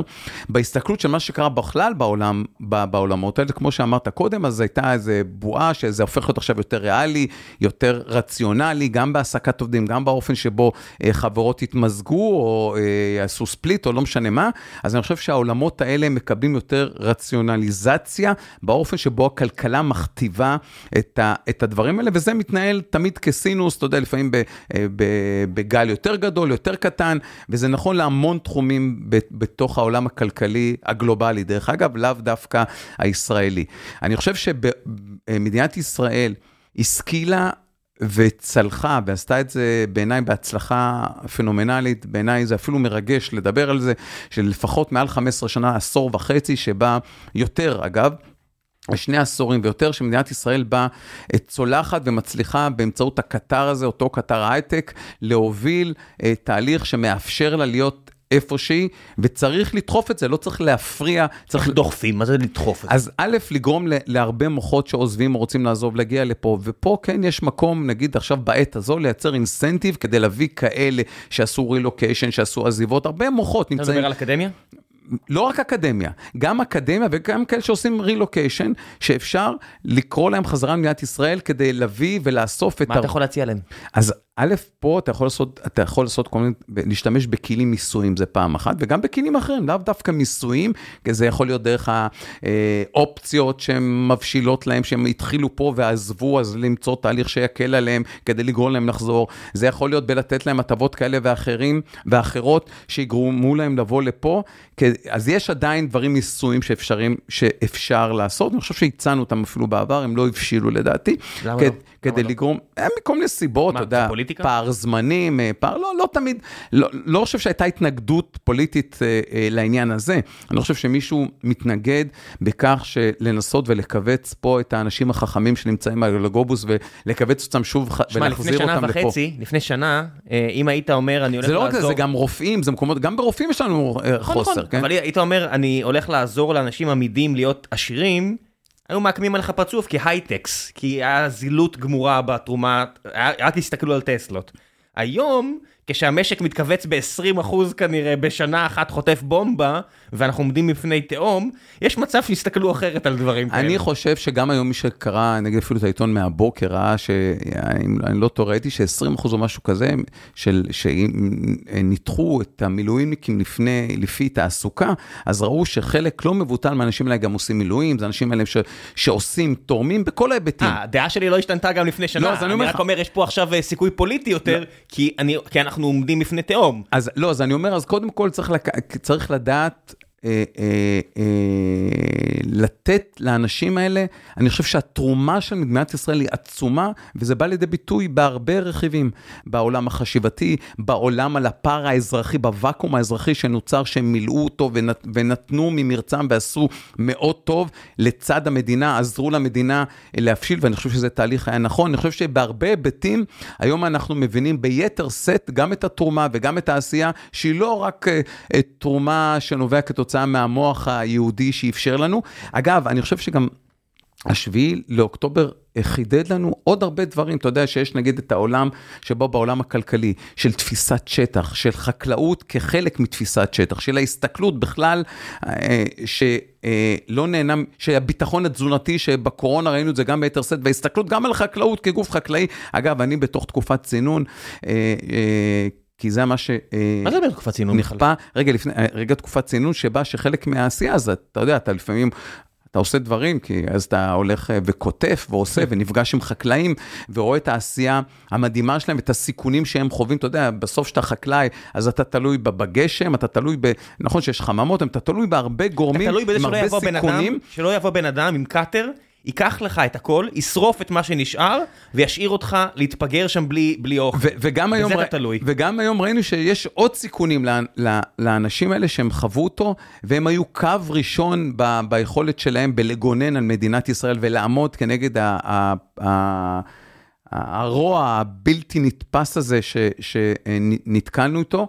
אז אני חושב שעכשיו מבינים ביתר שאת שהחשיבות של תפיסת השטח, של החשיבות, של המשמעות, של החקלאות, היא לא רק במובן אה, התזונתי הקל, ולא האמירה של ריקרדו ככלכלן של יתרון היחסי, שרק באמצעותו צריך לשאול. והיתרון היחסי, אגב, גם כשמדברים על יתרון יחסי, מדברים על כך שזה אפס בשני הצדדים של מס, כן? כי אתה יכול לעוות את זה בדקה, אז קפצת בהנחה... מריק- מדייוויד ריקרדו ללאופר, ללאופר, כן. ל- ללפר, כן. אז, אז רק בהתייחסות אמיתית, אז אתה מבין שיש עוד גורמים שצריך להסתכל עליהם וצריך לחשב אותם, ויש להם מחיר כלכלי, וצריך רגע, לתת להם את המחיר רגע, הכלכלי. דבר תכלס, ערן. שאתה עכשיו ציינת פה הרבה בעיות של חקלאים, ואתה גם לא רק... מס הכנסה זה גם מכס, זה גבולות, זה הרבה דברים שהם רלוונטיים מאוד, כי אנשים חושבים שאתה רק מס הכנסה, אבל אתה לא רק מס הכנסה, אתה גם מכס. ומכס... אני כבר לא, יש היום אה, מנהל רשות המיסים שעושה עבודה, אז הוא. כן. אז הוא והשר שמעליו. אה, בסוף, יש פה שיקולים לכאן ולשם. זאת אומרת, אתה מדבר על יוקר מחיה, אז אתה רוצה שביצה לא תעלה פה הון תועפות, או שאננס, לא, אתה יודע, אתה מגיע, כל הסיפורים, הסופרמרקט באנגליה, אננס עולה פאונד ופה עולה 30 שקל. זה באמת הפערים. ואותו אננס מאותו קוסטה ריקה. ואז עולה השאלה, אתה רוצה לעודד אנשים לחקלאות. ויש פה איזון שהוא מאוד מאוד קשה. אז- דבר תכלס, מה אתה מציע? הנה, אז אני יכול להגיד לך את זה אה, דווקא שאלה קלה, אבל כן אני יכול להגיד לך שקודם כל יש זה לא דרכים, שאלה קלה. לא, לא, לא, אני אגיד לך, יש דרכים להתמודד. קודם כל צריך לזכור שמדינת ישראל יש לה אה, אה, מגבלות אובייקטיביות. יש לה חיסרון לקוטן, כן, כמדינה קטנה, מה לעשות, אנחנו לא אה, פולין בכמות האזרחים, או לא, אה, אני יודע מה, אפילו אתיופיה עם 128 מיליון. מה זה אפילו אתיופיה? אתיופיה זה אחת המדינות הכי מאוכלסות בעולם. כן, כן, אני אומר, הנה, אמרתי לך גם מספר, 128 מיליון, כן? אז אני אומר שבהסתכלות הזו, יש גם דברים אובייקטיביים. חיסרון לקודם, בידוד, אנחנו מדינה שמבודדת בגבולות, אז יש קושי במעבר של טובין וסחורות. יש לנו, יש לנו עוד כל מיני מגבלות שגורמות, כל מיני מגבלות, יש לנו רגולציה, כן? רגולציה אפשר לשנות. רגולציה, שאולי צריך להתחיל ולחשוב על אה, אה, אפילו חמורבי במינוס משהו לפני הספירה, כן? ש, שאמר, אני מאפשר לבנות, תבנו כמה שאתם רוצים, איך שאתם רוצים, ללא רגולציה, אבל אם נופל בניין, אז הראש של אותו אדריכל הולך איתו ביחד עם הבניין. אז יש דרכים שככה עובד, עובדים האמריקאים ואנחנו פחות. צריך, יש המון דברים שיש מה לעשות בהם. אני חושב שראש הממשלה, גם הנוכחי, דיבר בגנות הרגולציה לא מעט, ויש הרבה מה לעשות שם, וצריך לעשות. מה לעשות?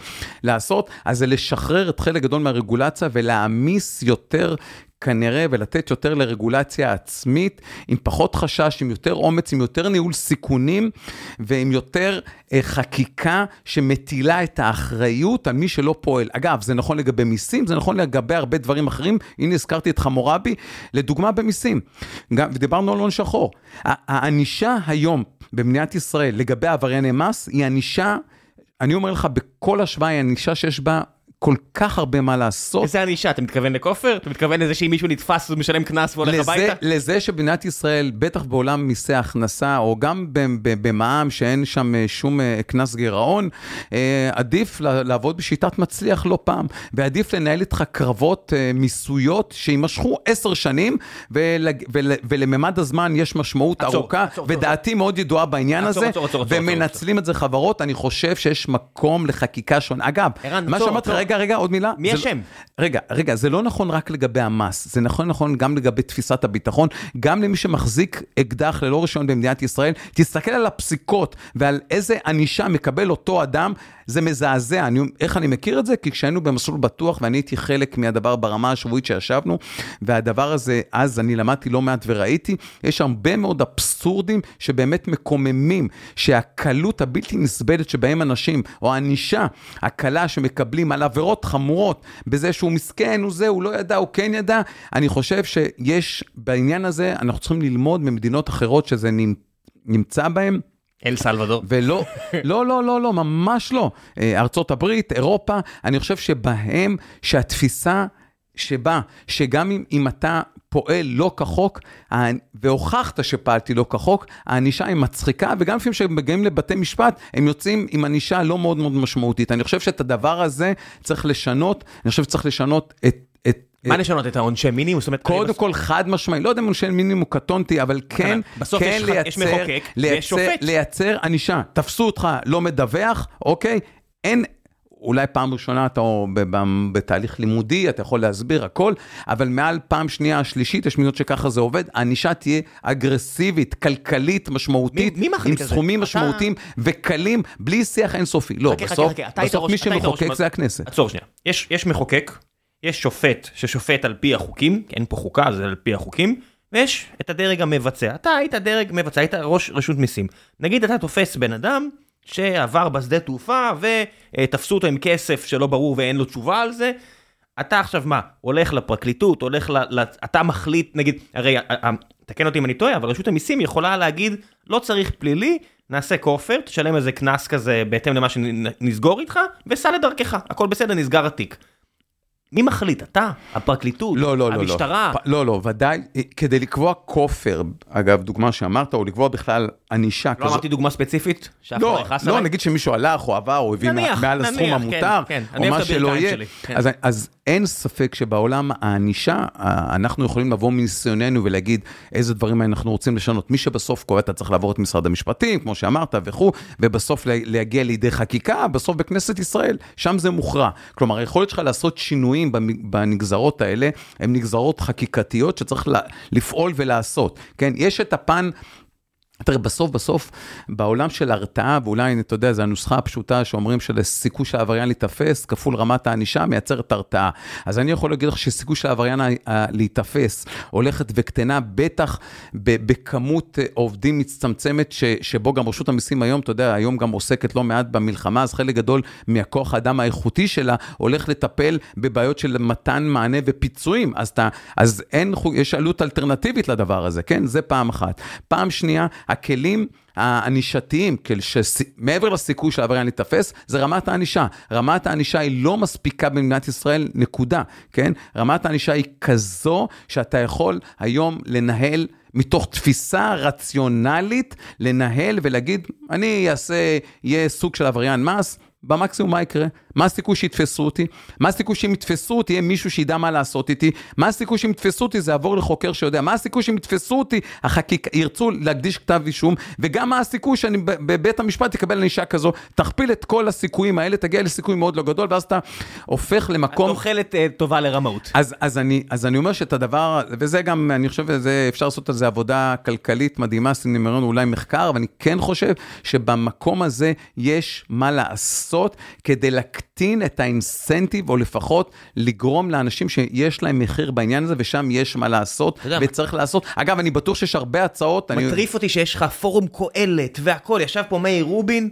והם מתעסקים לי בטרנסים ובחיי המשפחה והכל, אני אומר, בואנה, אתם לא פורום ימני? טפלו בדברים האלה, תהפכו את המדינה לעשירה, תנווטו את השלטון שאתם שולטים בו ביד רמה, תשפרו את המדינה, ואז תתעסקו בשטויות שלכם.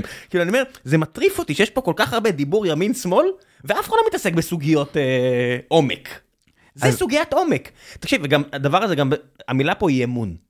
ברגע שנשבר האמון, ואין באמת השלכות, אז כל אחד יעשה. ואז יש חוק, חוקים מטומטמים כמו חוק הצינון, אתה אל תגיב, אני אגיד, כי אה, לא סומכים על הבן אדם, וכי אם יש שחיתות בתוך הרשויות ותופסים, לא קורה כלום. אז צריך לעשות כל מיני חוקים שהם פלסטר על פלסטר על פלסטר על פלסטר, צינון לפה, צינון לשם, ההוא פה, ההוא שם, כי אף אחד לא מפקח על מה קורה, ואם תופסים אותך, עושה פולישטיק במקום שאתה היית בו, לא יקרה כלום. לא כן. באמת. כן, אז, אז אני מסכים איתך שאמון זה משהו שהוא... אין אמון ואין אכיפה, זה, זה שילוב גרוע מאוד. מאוד מאוד חשוב, ואני חושב שיש מה לשפר, אני חושב שזה גם אה, אה, נמצא עמוק בעניין התרבותי. אני חושב שזה משהו שבאמת אה, צריך לבנות אמון, ולבנות אמון בונים דרך זה שאתה, אה, אני יכול להגיד לך מה, איך אנחנו ברשות המיסים, נגיד דוגמה, ניסינו לבנות אמון, בסדר? היו... כספים רבים ברשות המיסים ששכבו לאנשים שהיה להם, אה, שהגיע להם החזרי מס, ולא תמיד הם ידעו, לא תמיד הם ביקשו אותם, מכל מיני סיבות. אגב, יכול להיות סיבות בקיצוניות שהבן אדם עושה, אפרופו הון שחור ולא מדווח, אז הוא אומר, אני גם לא אבקש מה שמגיע לי, כי לא רוצה שיגיעו אולי... על מה מגיע לי? אבל נגיד לדוגמה, מי שעבד אה, בעבודות מזדמנות ושינה עבודה בתוך השנה, ויכול מאוד להיות שמגיע לו החזר מס. יש המון סיבות שבגינם מגיע החזרי מס, מה שרשות המיסים עשתה בשנים האחרונות, ועשתה את זה בהצלחה מרובה בעיניי, היא שלחה מעל 400 אלף מכתבים לאנשים שהיא ניתחה וראתה שיש מקום שמגיע להם החזר מס, ופנתה אליהם בצורה פוזיטיבית ואמרה להם, כנראה מגיע לכם החזר מס, אם מגיע לכם, הנה טופס 135, תחתמו, תמלאו אותו, תשלחו, תקבלו. אני מאמין שבנגלה הבאה שיעשו את זה, זה יהיה פרה-פילינג. מה זה אומר? שהם יקבלו את זה כבר ממולא, עם ההנחה שהנתונים נכונים, הם רק יחתמו, ישלחו ויקבלו את הכסף לחשבונתם. אני חושב שזה מהלך בונה אמון, אני חושב שזה שינוי פרדיגמה, אני חושב שזה הסתכלות על האזרח שנובעת מתוך תפיסה אסטרטגית מובנה שרשות המיסים שינתה אותה, ואני יכול לקחת גם חלק מהזכויות האלה באמת לאנשי רשות המיסים, שבאמת בשנים האחרונות שינינו ועברנו לתפיסה של הסתכלות עלינו כארגון עסקי עם אסטרטגיה מובנית, וככה מנצחים. שאתה בא מתפיסת עולם מוכוונת, אתה, זה גם נכון לכל גוף עסקי, אתה יודע בדיוק מה אתה רוצה, אתה מכווין את הפעולות שלך למקום הזה. כל עובד, סמנכ"ל, יודע מה הוא צריך לעשות בדיוק והוא לא מתפזר. אתה לא עושה את it's about choices, כמו שאומר אה, פורטר, שאחד מהמומחים uh, הגדולים בהרווארד לאסטרטגיה, אז אתה צריך באמת לבחור לדעת איזה יוזמות אתה רוצה לעשות בתהליך האסטרטגי, לשאוף ולגרום להם לקרות, לעשות execution, כי לדבר מילים גבוהות זה ככה יפה מאוד, אבל צריך לעשות, אני חושב שרשות המיסים עשתה את זה בשנים האחרונות, ובחלק עם הצלחות בעיניים מדהימות. כי זה ששלחנו 400 אלף מכתבים לאנשים ואמרנו להם מעיבודים שעשינו אצלנו.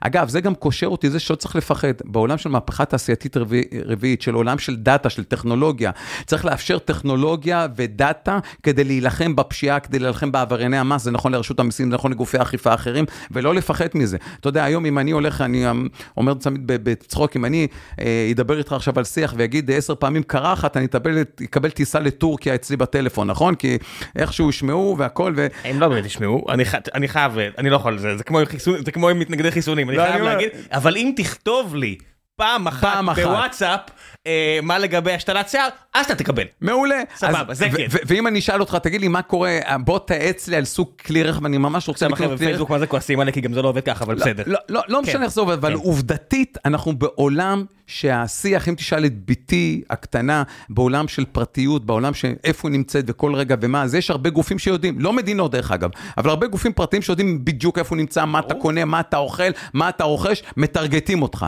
אז אני שואל את עצמי, אז כשהעולם הולך והולך למקומות האלה, למה לא, אגב, זה חלק, מג... זה נקשר גם להון השחור וגם לרמת האכיפה, זה קושר הרבה דברים, זה חוט מקשר בהרבה דברים, שצריך להפסיק לפחד מהיכולת לתת את הגישה לדאטה כדי להיות יותר מוכוונים, אבל אם לשמור על הפרטיות ואפשר לעשות את זה. זה נכון למס נסועה, זה נכון לגבייה במס נסועה, זה נכון לזה שיאפשר לטרגט, אני יכול להגיד לך שרשות המיסים, אם מישהו מכר מוצרים והיו כאלה ופעם פעלנו היטב, אני אפילו עשיתי על זה טיק טוק אחד, על מי שב-NFT ניצל אה, אה, בצורה צינית את, את חוקי המדינה כדי לגרוף הכנסות בלי לשלם עליהם מיסוי, אז אנחנו פעלנו בזירות האלה, ואני חושב שצריך לאפשר את זה, ולא צריך לפחד, המידע הזה זמין. אה, מי שמשכיר את דירתו מעל 5,400 שקל, אז למה שלא נדע להגיע ולטרגט במקום לבזבז ולפעול להרבה אנשים נורמטיביים, להטריד את האנשים הנורמטיביים סתם, לשגע אותם. אני אומר לך שבסוף התפיסה הזאת של יכולת אנליטית על דאטה קיים, תשמע, יש שני דברים. ולהנגיש אותו כן. רגע לגופי האכיפה, כדי להיות הרבה יותר מדויקים, הוא מיטיב עם האנשים הנורמטיביים, בהנחה, בהנחה שאתה עושה בלנס לדברים האלה, כן, כמובן, כן. כדי להגן על פרטיות, ואפשר לעשות את זה, ואם אתה עושה את זה ככה, אז אתה מגיע לכל אלה שעובדים בצורה שחורה, אם זה יכול להיות דרך האפליקציות למיניהם, דרך זה שהבנקים לא מוכנים לחשוף את המידע לגבי אפליקציות שיש פיצוצייה שתמכור באלפי מאות, שלא יודע איזה מוצרים תמכור, לפעמים מוצרים לא חוקיים, כן, בעליל, אבל מגנים על האנשים האלה כאילו אני חושב שאת הדבר הזה צריך לפרוץ, צריך לאפשר, וזה יטיב רק עם אוכלוסייה. אתה יודע מי זה אוכלוסייה? עם אוכלוסייה נורמטיבית, משלם את המס, כן. אה, שמגיעה למילואים ועושה, וצריך לפעול ביתר שאת כדי לתת להם את המענה. אז הנה הנקודה. יש שתי, גישו, יש שתי סיבות למה המחוקק לא רוצה לעזור לאוכלוסייה הנורמטיבית. א', הוא בינוני, או אי בינונית. ב', האנשים הלא נורמטיביים מצביעים להם בפריימריז ודואגים שהם לא יעשו את זה. אני מוכן לשים את האצבע שלי, והבעתי כבר שלושה, שלו, שלוש שלא עובדות, שחלק מהאינטרס זה לדאוג שזה לא עובד ככה. זאת אומרת, אנחנו רואים מי רץ לראשות עירייה פה באזור גוש דן וקשור למפלגת השלטון, אנחנו רואים, אתה יודע, את כל הדברים האלה. יש אינטרס להרבה מאוד אנשים שלא תהיה חקיקה. הרי פה בעיריית תל אביב היה בן אדם שהעירייה ניסתה לפטר במשך איזה 15 שנה, שהגיע להון של מאות מיליוני שקלים לפי פרסומים זרים ושרון שפור, ואני אומר, ואף אחד לא הצליח לעשות כלום. מישהו דואג שלא תהיה את החקיקה הזאת. אז, אז זה עולמות שאני בטח לא, לא נכנס אליהם, בטח לא בשיח הזה, ואין לי, לי אפילו דעה כרגע להגיד לך על הדבר אומר, הזה. אני אומר, לא אתה אומר. כן, כן, אז אני כן יכול להגיד לך שאני באמת חושב שהדבר הזה גם, אנחנו כמעט הצלחנו דרך אגב, אה, לגרום לדבר הזה לקרות. לדוגמה, מידע מעולם של כרטיסי אשראי, של אפליקציות, של דברים שממילא נמצאים, שהעולם העסקים חשופים ממילא, אז למה לא לאפשר ולעבוד הרבה יותר חכם בלהטריד פחות חברות ואנשים נורמטיביים כדי למקד את עצמך בפעילות הרבה יותר טובה, ותוסיף לזה רמת ענישה כלכלית מתאימה, והנה לך מתכון, חלק ממתכון כדי להתמודד עם ההון השחור, עם האנשים הלא לגיטימיים, עם החברות הלא לגיטימיות, עם משפחות הפשע, עם כל מה שאתה רוצה, וצריך לתת את הכלים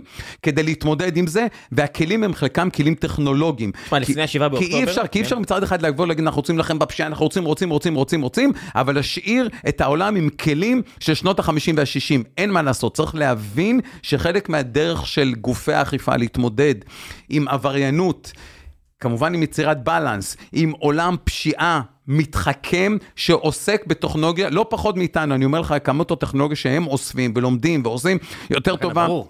בצורה לאין ארוך, ואם אנחנו לא נקבל את אותם כלים, או יותר מכך, כדי להתמודד, ויש המון יצירתיות ב- ב- בעולם הציבורי ובגופי האכיפה, אבל צריך לאפשר להם את היכולת להשתמש ביצירתיות הזה, ולסמוך עליהם, ולסמוך עליהם, כדי לגרום לכך שנביא לחברה יותר מתוקנת ויותר, ונוכל לשנות את התרבות הזו, כי כשיש את המערכון הגשש, מערכון של הגשש, שאני זוכר מילדות, שיש פרצה שקוראת לגנב, אז שקוראים לה, כשיש, קוראים לו אז הוא בא, משהו כן. כזה, אז זה אותו דבר. אתה יודע, אני, אני אמשיל את זה למדינת ישראל, כנראה כמו הרבה מדינות אחרות, פיזרה מלא מלא אה, פירורי לחם, אם בכוונה או לא בכוונה, ועכשיו הדגים נמצאים על המזח. אני אם פתאום, בשקט בשקט, במשך שנה, ישנו פה כל מיני חקיקה ואת הרשויות ייתנו להם יותר את הכוח מה שהן צריכות, באבחה אחת אתה תתפוס, זאת אומרת, אני, אני מסתכל סתם בטיק טוק לפני 7 באוקטובר, כי אחרי זה זה נהיה בלתי נסבל, אתה רואה מישהו יושב באוטו,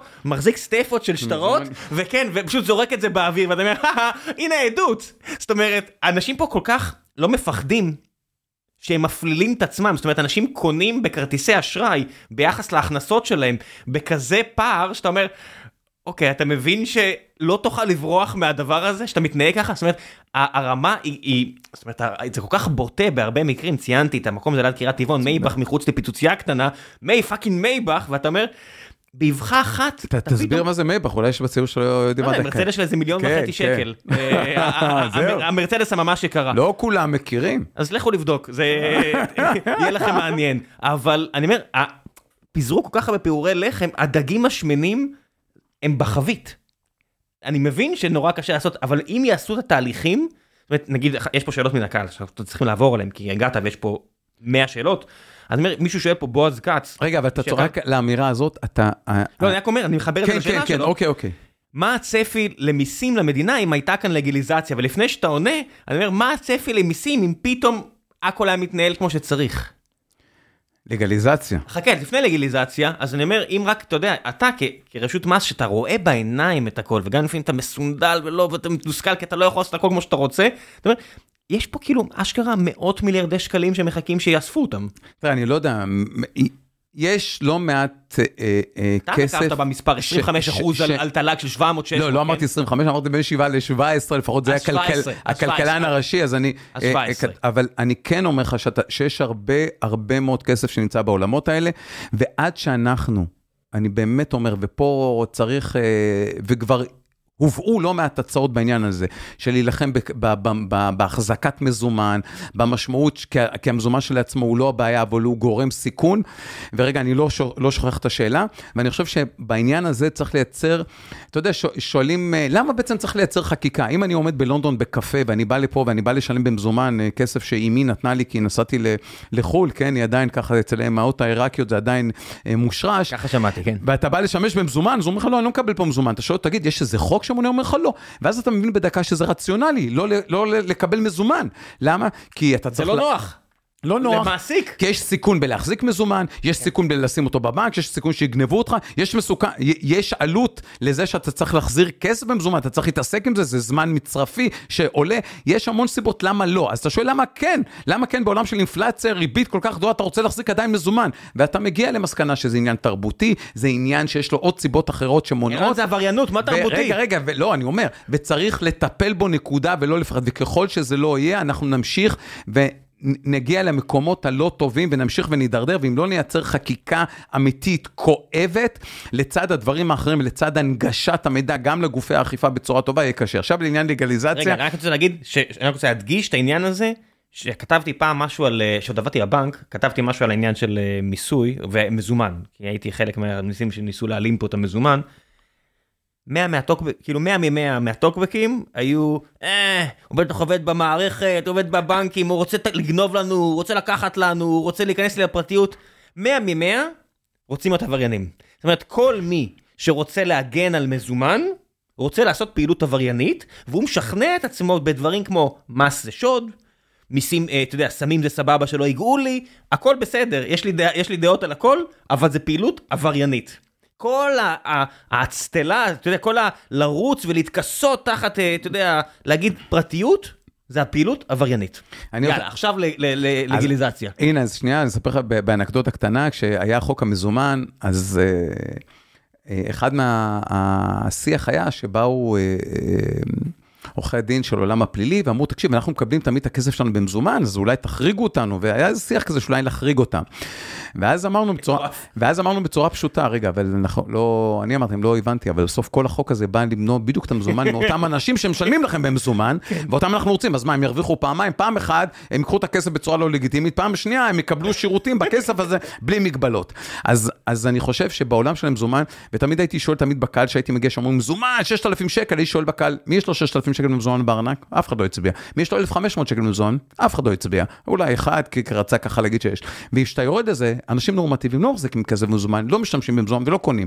נכון שהגישה לבנקים באוכלוסיות מסוימות מוגבלת, וצריך לטפל גם בעניין הזה. אני חושב ש-27% מהאוכלוסייה הערבית היא בגישה או עם חשבונות בנק, אז הם, לפחות לפי נתונים מפקח על הבנקים, היא 22, אז אני חושב שיש מקום כן אולי לחשוב על כן לייצר גם יכולת הנגשה טובה יותר, יכולת בנקאות. אני חושב שגם פה לפתוח חשבון בנק במדינת ישראל זה ויה דלה רוזה לא פשוטה, מאוד מורכבת, לא קלה. יכול להיות שגם בעולם כולו... למי? לאדם נורמטיבי? לא, בכלל. היום, אה, היום תלך לבנקים הדיגיטליים, לוואן זירואים, לפפרים של העולם, מה זה, תהליך של עשר כן, דקות? כן, יכול להיות, אז עדיין, עדיין, גם אני אומר לך, כמי שהיה מנהל רשות המיסים, שהיינו רוצים לגבות כסף מס, מ, אגב, לפעמים פעילות עבריינית, והיינו רוצים להעביר את החשבון מבנק השני בגודלו בעולם, אולי בנק אוף אמריקה לישראל, לא היה לא, דרך, לא היה דרך להעביר את זה לפה, כן. ואתה נתקע עם הרבה מיליארדים ש... יש הסכמי שומה עליהם ואי אפשר להעביר אותם. קצת אבסורד, זה משהו שלדעתי חובה לטפל בו, זה גם יהיה ביתר סט בביטקוין ואחור. עכשיו אני חוזר לשאלת הלגליזציה של אותו זה. האם אי פעם עשיתם אין שאלה? שאלה? אין שאלה שאם תהיה לגליזציה ואנחנו נוכל... מה זה, שאלה כמה? כמה זה שווה לדעתך? אז לא יודע, יכול להיות שזה... חמישה, עשרה מיליארד שקל בשנה? לא, לא, אני, אני לא יודע, אני לא, לא יודע אם עשרה מיליארד, אבל יכול מאוד להיות שלדבר הזה יש מחיר. אה, יש פה כבר חקיקות... לא, זה שיש מחיר, מה, כמה כסף זה יכניס למדינה? אז אני, אה, תראה, בעולם של ייצוא אין בעיה, מי שעושה את זה לייצוא, אז אתה יודע, עושים, משלם מיסים, אני מקווה, וכל עסק שעוסק בזה ממילא צריך לשלם מס, כי גם על פעילות לכ... לא לגיטימית, לפחות הפסיקה מחייבת תשלום מיסים. אין שום סיבה בעולם שמי שגם עושה פעילות לא לגיטימית, ואנחנו גובים, ורשות המיסים גובה מיסים גם מאנשים שעושים פעילות לא לגיטימית, לגיטימית, אבל אני לא מדבר על הדברים האחרים, זה חובה לשלם מיסים, מה כן? מה זאת אומרת? גם אם אתה לכאורה מייצר או מוכר משהו שהוא לא חוקי, יש חובה של תשלום מס. תפסת אותי עכשיו על סחר בסמים. אתה okay. חייב בתשלום מיסים, איך אתה יודע וגם כמה... תשלם, אבל איך אתה יודע כמה? וזה גם מהלבנת, אז נכון, אז אתה עומד את זה, אתה עושה, יש דרכים לאמוד את ההכנסות שלך, וגם פה אגב, יש קשיים חקיק... לא פשוטים ש... בעולם ההוכחה, שמעמידים אותך לפעמים באבסורדים, וגם פה אני חושב שצריך להקל. כן, שמדובר בפעילות לא חוקית, צריך לא לחשוש, לדעת ולגרום לכך שלהקל גם על גופי האכיפה באופן שבו נקבע הצורה של מה גובה ההכנסה של אותה פעילות אה, לא חוקית. או שתעשה את זה חוקי. או ש... כן, אבל אתה יודע, אז אה, איפה הקו? אני כבר, זה, זה קווי מדיניות שאני לא נכנס בהם, אבל ברור שאם זה חוקי, אה, שאם זה חוקי, אפשר, אני יכול להגיד לך לדוגמה על פירות וירקות, שאין מע"מ בגינם, ואין לי ספק, או אפילו מידיעה, ואני אומר לך שאין לי ספק, שחלק מההון השחור שנמצא שם, קורה בגלל שרשות המיסים לא נמצאת שם. תסביר. כי כשאין מע"מ, אין מע"מ, אין מע"מ על פירות וירקות. אז מה זה אומר, אז אני, אז אני מוכר מכונית. וקורא לעגבניה? לדוגמה, כן, או לא, או את המכולת קטנה, אתה שם אה, אה, ארגז בחוץ של גם של עגבניות, ואתה יכול לעשות shifting, זה פעם אחת. פעם שנייה... לא, אני רושם בקבלה משהו שהוא לא נכון? זה הטענה? אח, אחת האפשרויות. לא, ת, כן, ת... כן, כן, חד משמעי. וגם הגופים שנכנסים לתחום הזה, בגלל שאין שם מע"מ, בגלל שהם יודעים שרשויות האכיפה, או לפחות במקרה הזה רשות המיסים, לא נמצאת שם, ומע"מ, אם אתה עושה עבירות מע"מ חשבונות פיקטיביות, זה עבירה פלילית, אז הם יודעים שאתה לא נמצא שם בהגדרה, כי אין לך אינסנטיב להיות שם, כי אין לך מע"מ, כן? אז, אז, אז זה עוד דוגמה למקום שבו פטורים במס, כן? לפעמים מעבר לזה שהפטור, ומדברים שנותן הטבות כאלה ואחרות, שיוצר עיוותים גם ב shifting, אז הוא גורם גם לבעיות אכיפה וגם מגביר את ההון השחור באותו תחום, אין שאלה בכלל, גם ב shifting וגם באותו תחום ספציפי, ומכניס, ומכניס לאותו תחום גופים עבריינים, כי עולם האכיפה, בטח של רשות המיסים, שהוא גם לא פעם אפקטיבי ומפחדים ממנו, לא נמצא שם. נתנאל בולג שואל... אז למה... אין ספק שאם תהפוך את זה לגלי, אז אתה תראה... מיליארדי שקלים. אה, והרבה, אנשים שיש לנו מאות אלפי עבריינים בארץ שלא יהפכו לעבריינים למחרת, ואולי עדיף שכך, כי יש אנשים שכן צריכים להיות בכלא ולא הם. אה, נתנאל בולג שואל, למה מס הכנסה לא משוקלל אה, לא, משקלל הון ונדל"ן, אלא רק הכנסה. לשם השוואה, בישראל אני עשירון 9, אה, 10 לצורכי מס, בשוויץ אני קטגוריה הכי נמוכה. אז יש, יש, תראה, בכלל בעולם יש הבדלה בין... אה, הוא שוויצרי, הוא יודע. בישראל, לא, לא, אז, אז אני אומר, אז יש הבדלה בין העולם הפרטי, כן, העולם העסקי ורווח ההון, בסדר? אז בעולם הפרטי אתה יכול לעשות מה שאתה רוצה, אוקיי? וכמובן, אה, אה, אז יש לך אם זה נדל"ן, אם זה אחר, זה רכוש וכו'. פרטי, כן? וגם שם יש הטבות אם זה, אם זה דירתך הראשונה לצורך הדיון. בעולם של מיסי הכנסה, שיש לך הכנסה, אז שם אתה ממוסה בצורה מסוימת, לפי רמת ההכנסה שלך אתה ממוסה, וגם אתה מגיע מעל רף מסוים, אתה גם חייב לדווח. בעולם של רווח הון, הסיבות שבגינם המיסים שונים או יש דיפרנציאציה, הם מתוך תפיסה והבנה שהרצון הוא שיהיה אינסנטיב להשקיע בהון, לייצר יותר מכונות, להשקיע, כי, הון בסוף מייצר אה, אה, כלכלה, מייצר צמיחה, מייצר דברים אחרים, אז זה בא משם. אני אגיד לך יותר מזה, שיש לא מעט קולות שאני אה, לא תופס באותו דעה, נהפוך הוא, שאומרים בואו נוריד את המס על אה, רווחי בורסה וכו', ונוריד את זה מ-25 או מ-30 אחוז. כן, ל- יש פה איזה 40 שאלות על זה. ל-20 אחוז, ודרך זה נייצר יותר אה, אה, ביקוש ל... ואולי יותר נזילות בבורסה. אה, רגע, זה לבורסה הישראלית. כן, כן, כן, הישראלית, הישראלית. זאת אומרת שהבורסה, שה-S&P 25 והם יהיו 15? שהם הם, הם בדיוק, שהם יקבלו שיעורי מס נמוכים על רווח ההון שנוצר להם כתוצאה מהשקעות בבורסה לדוגמה, או מהשקעות הוניות. שוב, רק בורסה ישראלית. כן, כן, כן. אז... לא, לא. אם אתה אזרח ישראלי, דרך אגב, אתה משקיע בבורסה בחו"ל, שם אתה פטור, אתה משלם את המס רק כאזרח ישראלי, כן. ואז זה אותו שיעורי מס. כן, כן, כן. זאת אומרת, רוצים להוריד עבור... כן, כן, עבור בורסה ישראלית, כן. זאת אומרת, אם אני משקיע ב-S&P, אני עדיין אשלם 25 כן, כן, אז יש... כן, אז אני... אז אני... אני... אני... אני חושב שאחד, זה לא יגביר, לראיה שב-2003, אם אני לא טועה, שבה עד אז הבורסה הייתה אה, עם אפס מס, כן? רווחים, ושמיסו, אז לא בהכרח זה הביא לפחות השקעות, אם תסתכל זה יותר, אבל יש עוד גורמים שהשפיעו. אז ישראל הייתה מדינה יותר עשירה, מה לעשות כן, אז אני אומר, אז... זה לא בהכרח, וב', האם אנחנו רוצים להעדיף, אה, אני, אם אני רוצה להיות מאוד קיצוני, ספקולציה על עבודה, שהמיסוי על עבודה יהיה 50 אחוז, אבל על מס, על רווח הון, או על מי שיש לו הון, וההון שלו נצבר, או ההון שלו, או הוא ירש אותו, אז לעולם הוא יחיה בעולם של 25 אחוז, ומי שעובד קשה, שגדל במשפחה קשת יום, ימשיך וישלם 50 אחוז על, על העבודה. אני חושב שגם בשיח הזה, זה שיח ש, שנמצא בשיח הכלכלי מאוד עמוק אצל כלכליים אמריקאים, אני חושב ש... או, או בעיקר אצל הצרפתים, פיקטי וחבריו, ואני חושב שנכון לראות את זה ככה ולא אחרת. יש בזה הרבה היגיון. אני אומר, אם עכשיו סטרים אלמנטס נמכרת ואני מיליונר, ואני עכשיו עושה רק את, ה... את הפודקאסט ולקבל כמה שקלים על חסויות, אני כנראה לא אשלם כמעט בכלל מס, למרות שאני מיליונר, ואדם אחר שעובד נורא קשה ישלם הרבה מס. זה לא בהכרח הגיוני. אני אומר, בדיוק זה. זה לא בהכרח, אתה יודע, אתה הולך לפיקטי וחלוקת עושר ואי שוויון, זה לא בהכרח הגיוני שבן אדם שהוא מיליונר, ועכשיו מכניס עוד שקלים, אז הוא לא ישלם, כי זה מתחת למדרגה, אבל הוא כבר מיליונר. כן, ולפי מה שהוא לפחות כותב בספר האב קרס שלו, הוא מראה, אלף עמודים אחר במחקרים, שחלק מה... ההון והעושר הזה, למרות שזה השתנה בעשור כן. וחצי האחרונות, נוצר הרבה פעמים בעוד מ... תלך משפחות ממלחמת העולם הראשונה והשנייה וכו', זה שהעושר גודל, אתה תראה את הגרף הזה, איך נראה, לעומת אלה ש... כל הזמן נמצאים בעולמות, אמר נוסעים... פעם סטיגליץ, כלכלן, זוכה פרס נובל לדעתי ב-2000, אחת, ש, ש, שתן לי את הזיפ קוד, את, ה, את המיקוד שלך, ואני, ואני אגיד לך בדיוק מה ההסתברות, לכמה, לאיזה רמת עושר הוא יגיע ומה ההצלחה שלו. עכשיו זה לא סטיגניס, עכשיו זה מערכות של פייסבוק, לפי המיקוד הם קובעים את העלות של הפרסום. כי מה לעשות, זה ככה. זה מטורף כמה שזה ככה. אם תלכו אה, רחוב אה, ולנברג, ראול ולנברג, אז תראו מה זה משפחת ולנברג בשוודיה, אתם תראו מה זה הון שאתם לא מדמיינים בכלל, איזה ריכוזית שוודיה, והכסף הזה לא ילך לשום מקום. כנ"ל המשפחות בדרום קוריאה עד שנלחמו בהם, כנ"ל המשפחות ביפן, זה לא בעיה ישראלית. הון הוא סטיקי. אתה יודע, בגלל זה, אתה יודע, בדרך כלל מה הבדיחה, איך בן אדם נהיה מיליונר או נולד מיליארדר? כי זה הדרך היחידה שאו נעלם. הדור הבא במשפחה הוא פשוט פחות, פחות מוכשר מהדור הקודם. זה הדרך היחידה שאו נעלם, לא מיסוי ולא בטיח. דרך אגב, אגב, בעולם הישראלי, שזה משהו שאני, אני חושב שהוא זה שדווקא מדברים על מתעשרי ההייטק כאילו על משהו לא טוב. אני נהפוך, אני חושב שזה דווקא משהו שמאפשר להרבה אנשים יצירתיים, חכמים, נבונים, שגדלים. נכון, צריך לדבר על החינוך, ש, שהם צריכים לבוא מכל גווני הקשת, יכולים uh, להצליח ומצליחים ועושים ו, ומביאים גם הצלחה למדינת ישראל, חד משמעי.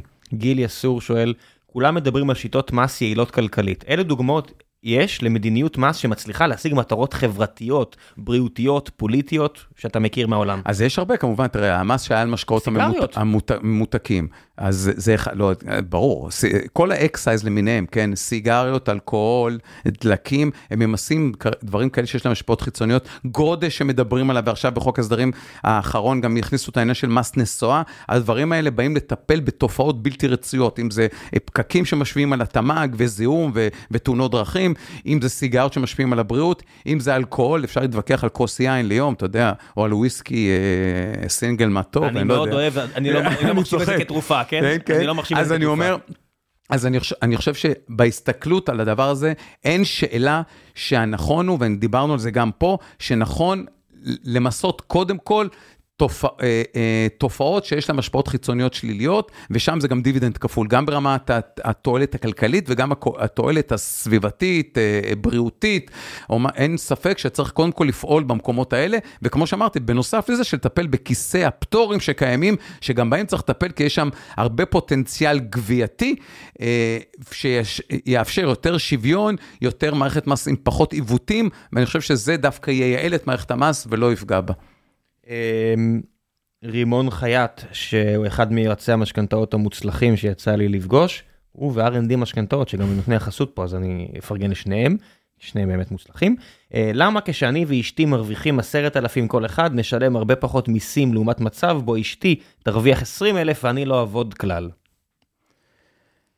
תראה, המס הוא, למרות שבאופן פרדוקסלי, הפרדוקסלי, הפקודה מסתכלת על זה ומחריגה ועוברת ליחידים, שכל אחד ממוסה בהתאם להכנסה שלו אה, כן. בתוך התא המשפחתי, ולא הסתכלות כתא משפחתי ועל אה, זה, כי גם אין פה חובת דיווח כללי. אז יש פה הרבה דברים ששונים לפעמים ממדינות כאלה ואחרות בעולם.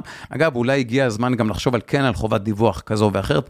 אנחנו באופן מסורתי לא מאוד אהבנו את חובת הדיווח, כי לא ראינו בה בהכרח תועלת רבה בעולם שמאפשרים לנו נגישות למידע. למידע. כי אם יש נגישות למידע, אז אני יודע כמה דירות יש לך, באיזה אוטו אתה נוסע, את ההכנסות שלך, את הדיווחים שלך, כי גם לראייה היום, אלה שמעלימים, חייבים בדיווח, והם לא מדווחים. אז זה שיש חובת דיווח ויש סנקציה, אפילו פלילית, הם לא בהכרח מדווחים, אז היעילות של הכלי הזה, צריך לדבר עליה ולחשוב עליה, אבל לא צריך לפסול אותה, כן?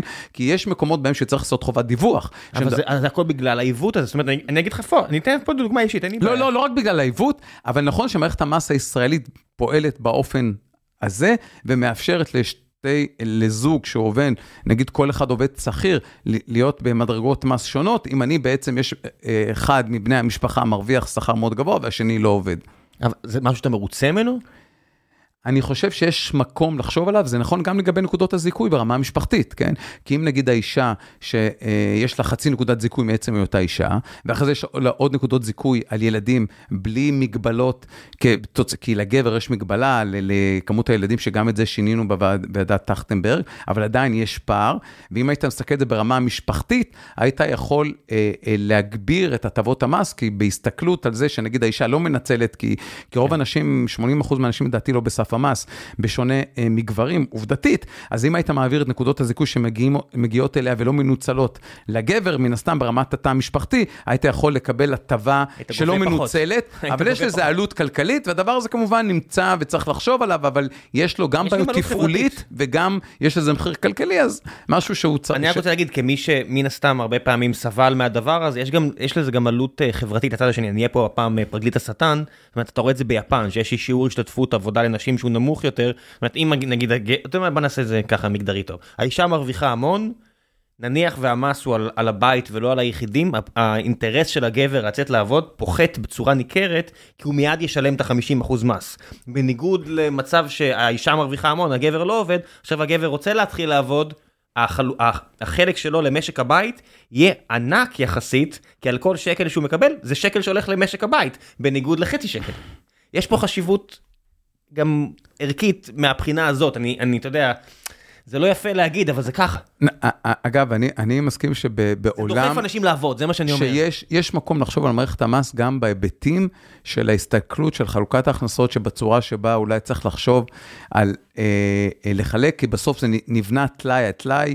אה, אנחנו עדיין בפקודה שהיא פקודה אה, מנדטורית, שמאז אנחנו עושים תיקונים ותיקונים ותיקונים ומאות תיקונים כל הזמן כדי לטפל בשינויים, ואני חושב שיש... גם מקום אה, לחשוב ולעשות חשיבה עמוקה על זה באמצעות ועדה ציבורית אולי, שתיתן את דעתה, זה נכון לזה, זה נכון לעניין הפנסיוני, שהיום יש הטבות פנסיונית מפליגות, האם כן או לא, האם צריך, שלא תמיד מכירים אותם, שגם כדי להכיר אותה אתה צריך, אה, אה, יש מעט מאוד אנשים שעוסקים בזה, וצריך, שוב, גם פה צריך לעשות חשיבה מחודשת, ולא לפחד לגעת בזה ולפצח את זה מחדש. בוא נעשה קצת שאלה מוסרית, ונעשה את זה עוד שתי שאלות ונסיים להיום. שואלת פה אה, מאזינה בקבוצה בפייסבוק, מהי לדעתך ההצדקה המוסרית להשליך לכלא מעלימי מס? בתי כלא אמורים להיות, היא קובעת, אמורים להיות שמורים לאנשים שמסוכנים לחברה, לא לאנשים שלא מביאים תועלת לחברה. לא שמעתי על אף אדם שמפחד להיות בסביבה אה, שבה אנשים אה, העלימו מס, אבל כן מפחיד להיות בסביבה של אנשים אלימים. באמת, אני חושב שיש פה שאלה מוסרית מאוד, אז בוא, אז בוא רגע, בוא, בוא, בוא, בוא נפרוט את זה, אני, אני לא חושב שזה שונה, אני, אני חושב שאם... כשמישהו גנב ממך את הארנק שנמצא, כייס אותך והארנק נמצא אצלך בכיס, לבין זה ש, שגנב מאות מיליון או מיליונים מכסף ציבורי, אני לא חושב, זה, הגניבה הזו בעיניי עומדת באותו מקום. לפעמים, חושב... לפעמים אני חושב שזה ש, שכייס אותך כדי, שהוא באמת צריך להתקיים כדי שיהיה לו מה לאכול, בשונה ממזה שמנהל משפחת פשע כזו ואחרת, או מנהל ארגון כזה שכל מטרתו להעלים מיסים, לא לשלם מיסים, ל, ל, ל, ל, להלבין את הכסף הזה, אין שאלה בכלל. בכלל, בעיניי, שוב, זה עניין סובייקטיבי, העבירה שלו הרבה יותר חמורה מאותו אחד ש...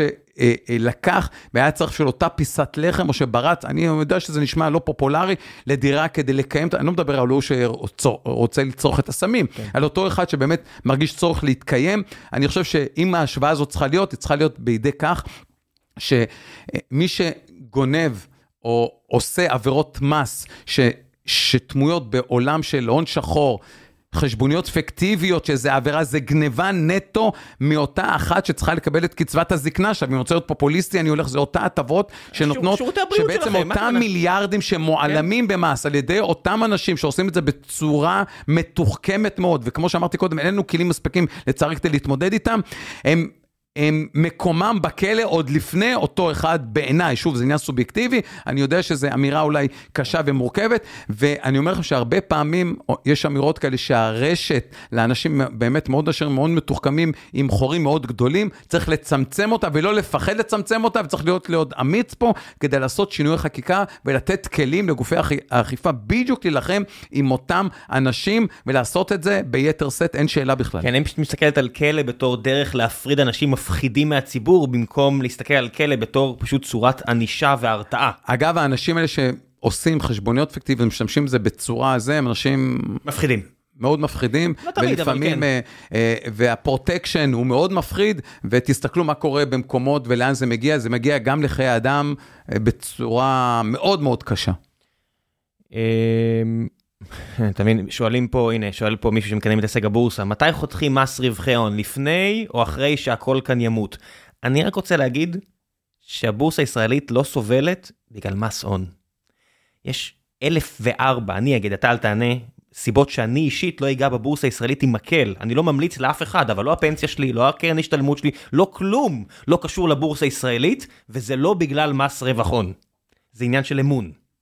אז אני, לתחילת הדברים, אני לא יודע, זה עמדתך, אני לסייפה... אני לא יכול להמליץ לאף אחד, אני לא יועץ. לסייפה, אני מסכים לחלוטין שאין מקום לשנות את המס על הבורסה, ואני חושב שזה קולות שאומרים, זה קולות אינטרסנטיים, זה בעיניי, ויש, איך אמרת, אלף אה, ארבע סיבות, אז יש גם אלף סיבות למה לא לעשות את זה, ואני חושב שיש שיח מאוד ער בעניין הזה היום עולמי, אצל עומד כלכלנים, למה לא לעשות את זה, ולמה זה לא נכון, ולמה לא לתת העדפה, ואני אגיד את זה בצורה בוטה, אמרתי את זה פעם אחת, אני את זה פעם שנייה, להעדיף את אותה ספקולציה, אני בכוונה בוטה, כן, זה כי לא בהכרח, כי שוק הון זה דבר חשוב, הוא דבר ש... הרוב המוחלט של שוק ההון זה, זה ספקולציה, בוא נגיד את האמת. אז אני אומר, יש חלק מלהשיג, זה, זה עוד מכשיר לגיוס כספים, אז במובן הזה זה דבר חיובי, אבל במובן של לבוא ולהגיד שאנחנו רוצים להוריד את המס, על אותם אנשים, בשונה מאלה שעושים עבודה ועובדים מאוד קשה, שימשיכו לשלם 50% מס, אני חושב שזו אמ-, אמירה בוטה, לא נכונה, ואין לה שום הטבה בגינה, גם לא כלכלית וגם לא משקית. זה, זה אינטרס, זה אנשים שאומרים, אני מתפרנס מזה, אני רוצה לשלם פחות, זהו.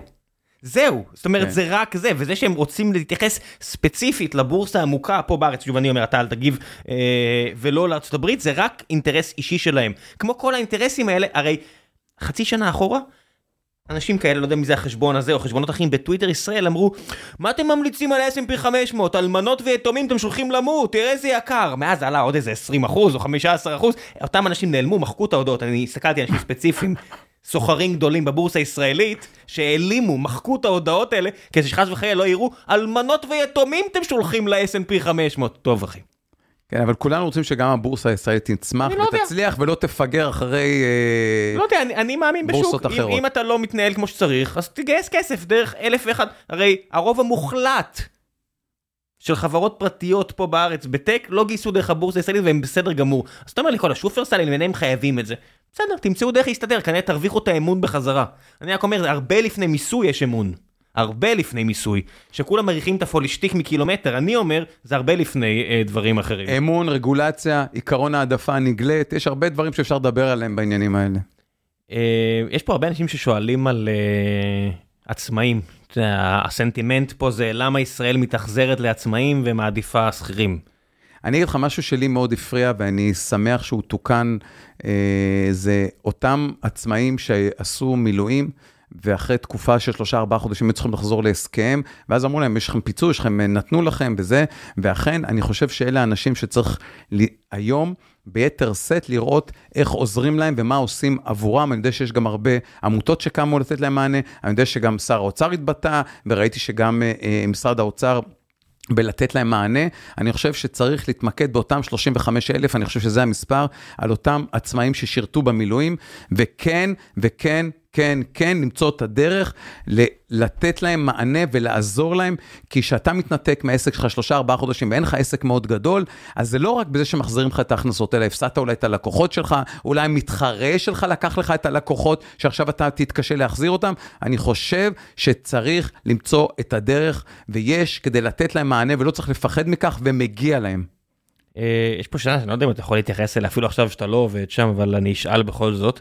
האם קיימת התערבות של פוליטיקאים בעבודת רשות המס, דוגמה בביטול מבצעי גבייה באזורים מסוימים? אל תרד לפרטים, רק תגיד כן ולא. אני יכול להגיד לך לפחות מתקופתי, אה, בשום אופן לא. אה, אני לא חושב שלא פוליטיקאי יעיז, וככל שיעיז, אני חושב שהוא יקבל תשובה חד משמעית ובלתי מתפשרת, לא משנה מי יעמוד בראש רשות המיסים, תשובה מאוד ברורה ולא משתמעת לשום כיוון. אה, יש חופש פעולה מלא. אה, וכך צריך להיות. אה, יכול להיות שתוקפים פשוט יותר נמוך. ויש שני נושאים שבהם אסור להתערב למנהל רשות המיסים. אה, ואני מקווה שכך זה קורה. יכול להיות שתוקפים יותר נמוך פשוט, שמדברים פשוט לא איתך, אלא עם עובד של עובד של לא, עובד לא, שלך? לא, אני חושב שיש יש כן לגיטימציה להגיד שרוצים לטפל בפשיעה, רוצים לזה. זה עבודה שלהם. רוצים לתת, כן. כן, זה תפקיד אה, חד משמעי שצריך להגיד, ואפשר להנחות את רשות המיסים לעשות פעולות במקומות, אה, באזורים שבהם חד משמעית צריך לעשות, ומנהל רשות המיסים צריך לפעול בהתאם לאותן בקשות, כי בסוף יש גוף נבחר.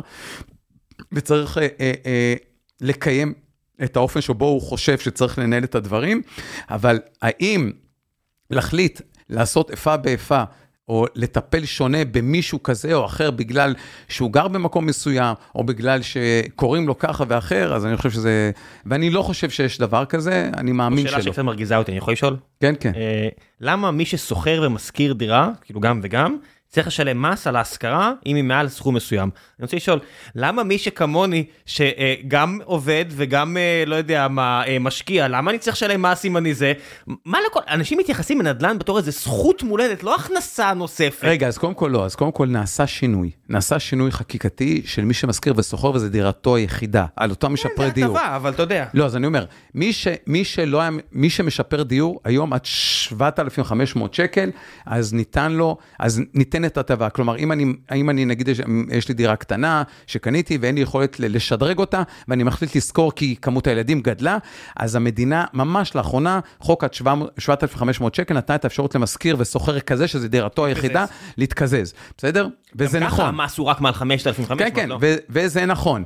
אה, צריך לזכור שיש פטור של, אה, של אותו אה, מס, ואני חושב שבדבר הזה שווה, אני, אני אישית מאמין שלא בהכרח יש מקום לפטור הזה, אני חושב שהפטור הזה יוצר עיוותים, עיוותים של הון שחור, הוא מתמרץ, הוא עושה הרבה דברים לא טובים. מה, היית לוקח מהשקל הראשון? אני חושב שזה נכון, אני חושב שזה ימנע עיוותים, זה ייתן הכנסות, אפרופו שמדינת ישראל עכשיו צריכה, זה ייתן הכנסות, וזה גם, כי, כי מי שזה דירתו היחידה, או קונה, או סוחר, אז מדינת ישראל נתנה לזה פתרונות, ופתרונות לא רעים, ואפשר לחשוב עוד. אבל מי שכבר הוא מרובה דירות, אני חושב שצריך להסתכל עליו אחרת, בטח בתקופה המאוד מאתגרת הזו, ובטח שמדובר בפטורים לאנשים ש... אה, שיה רוזנבלום, אה, מאזין יקר ששואל הרבה פעמים שאלות, נראה גם איש מעולה, שואל, אולי זו שאלה אחרונה, ככלכלן, איזו הטבת מס הכי מפריעה לך והיית מת לבטל אותה? וואה, תראה, זה ש... פה אתה דורך על קקי לאיפה שאתה לא, לא תלך. כן, אז אני חושב שצריך להסתכל באופן אה, אה, אה, עמוק על חלק גדול מהטבות המס שקיימות, ולתעדף ולחשוב איפה כן אפשר לתקן, זה פעם אחת. אז יש, הטבות מס שונות שאפשר, שכן נכון לגעת בהן, נגענו עכשיו באחת כזו, יש עוד אה, לא מעט אחרות שראוי ונכון לחשוב. אגב, זה גם יכול להיות מנוף לגביית מיסים בתקופה של במקום להעלות מיסים, אז אולי לטפל בעיוותים, ודרך זה באמת גם לטפ... להרוויח פעמיים, פעם אחת לטפל במערכת המס ולעשות אותה יותר טובה, יותר שוויונית, אה, אה, יותר נכונה, ומצד שני, להביא יותר הכנסות, לצד זה שאולי צריך לחשוב איך להזריק אה, כספים למקומות שבהם צריך, לדוגמה, אה, מענק עבודה לאנשים שעובדים ולא מרוויחים מספיק כדי שלי. להתמודד עם יוקר המחיה ועם דברים אחרים, כן, בדיוק מענק עבודה, ועוד דברים אחרים שכמובן בדבר הזה צריך לעשות וצריך לכוון את המדיניות בדיוק לאותם אנשים, במקום לפעול עם תותח מאוד גדול של לתת הטבות, שחלק גדול ממי שאינם נהנה מהם הרבה פעמים דווקא, זה האוכלוסיות היותר חזקות מהעשירון השביעי ומעלה. זהו להיום. תודה רבה רבה. תודה רבה. דיברנו הרבה. כן, כן, אבל... בסדר, אבל מה לעשות, זה חשוב. טוב, עד, הפ... עד הפעם הבאה. יהיה פעם הבאה.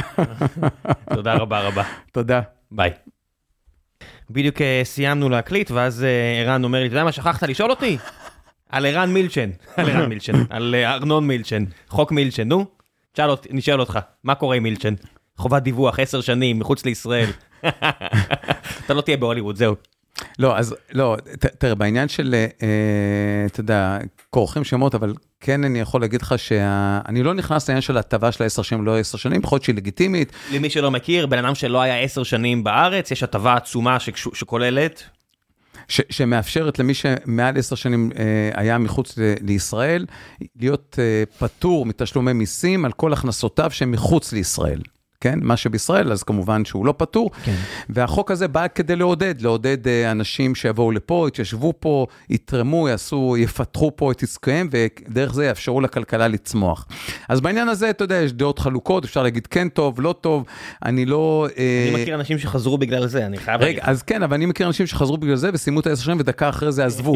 אז אני לא יודע מה זה, ואז צריך להסתכל מה גם תרמו. זה שהם קנו במכולת וקצת מע"מ, אז אני לא יודע אם זה מה ששינה את מאזן מאזן כלכלת ישראל.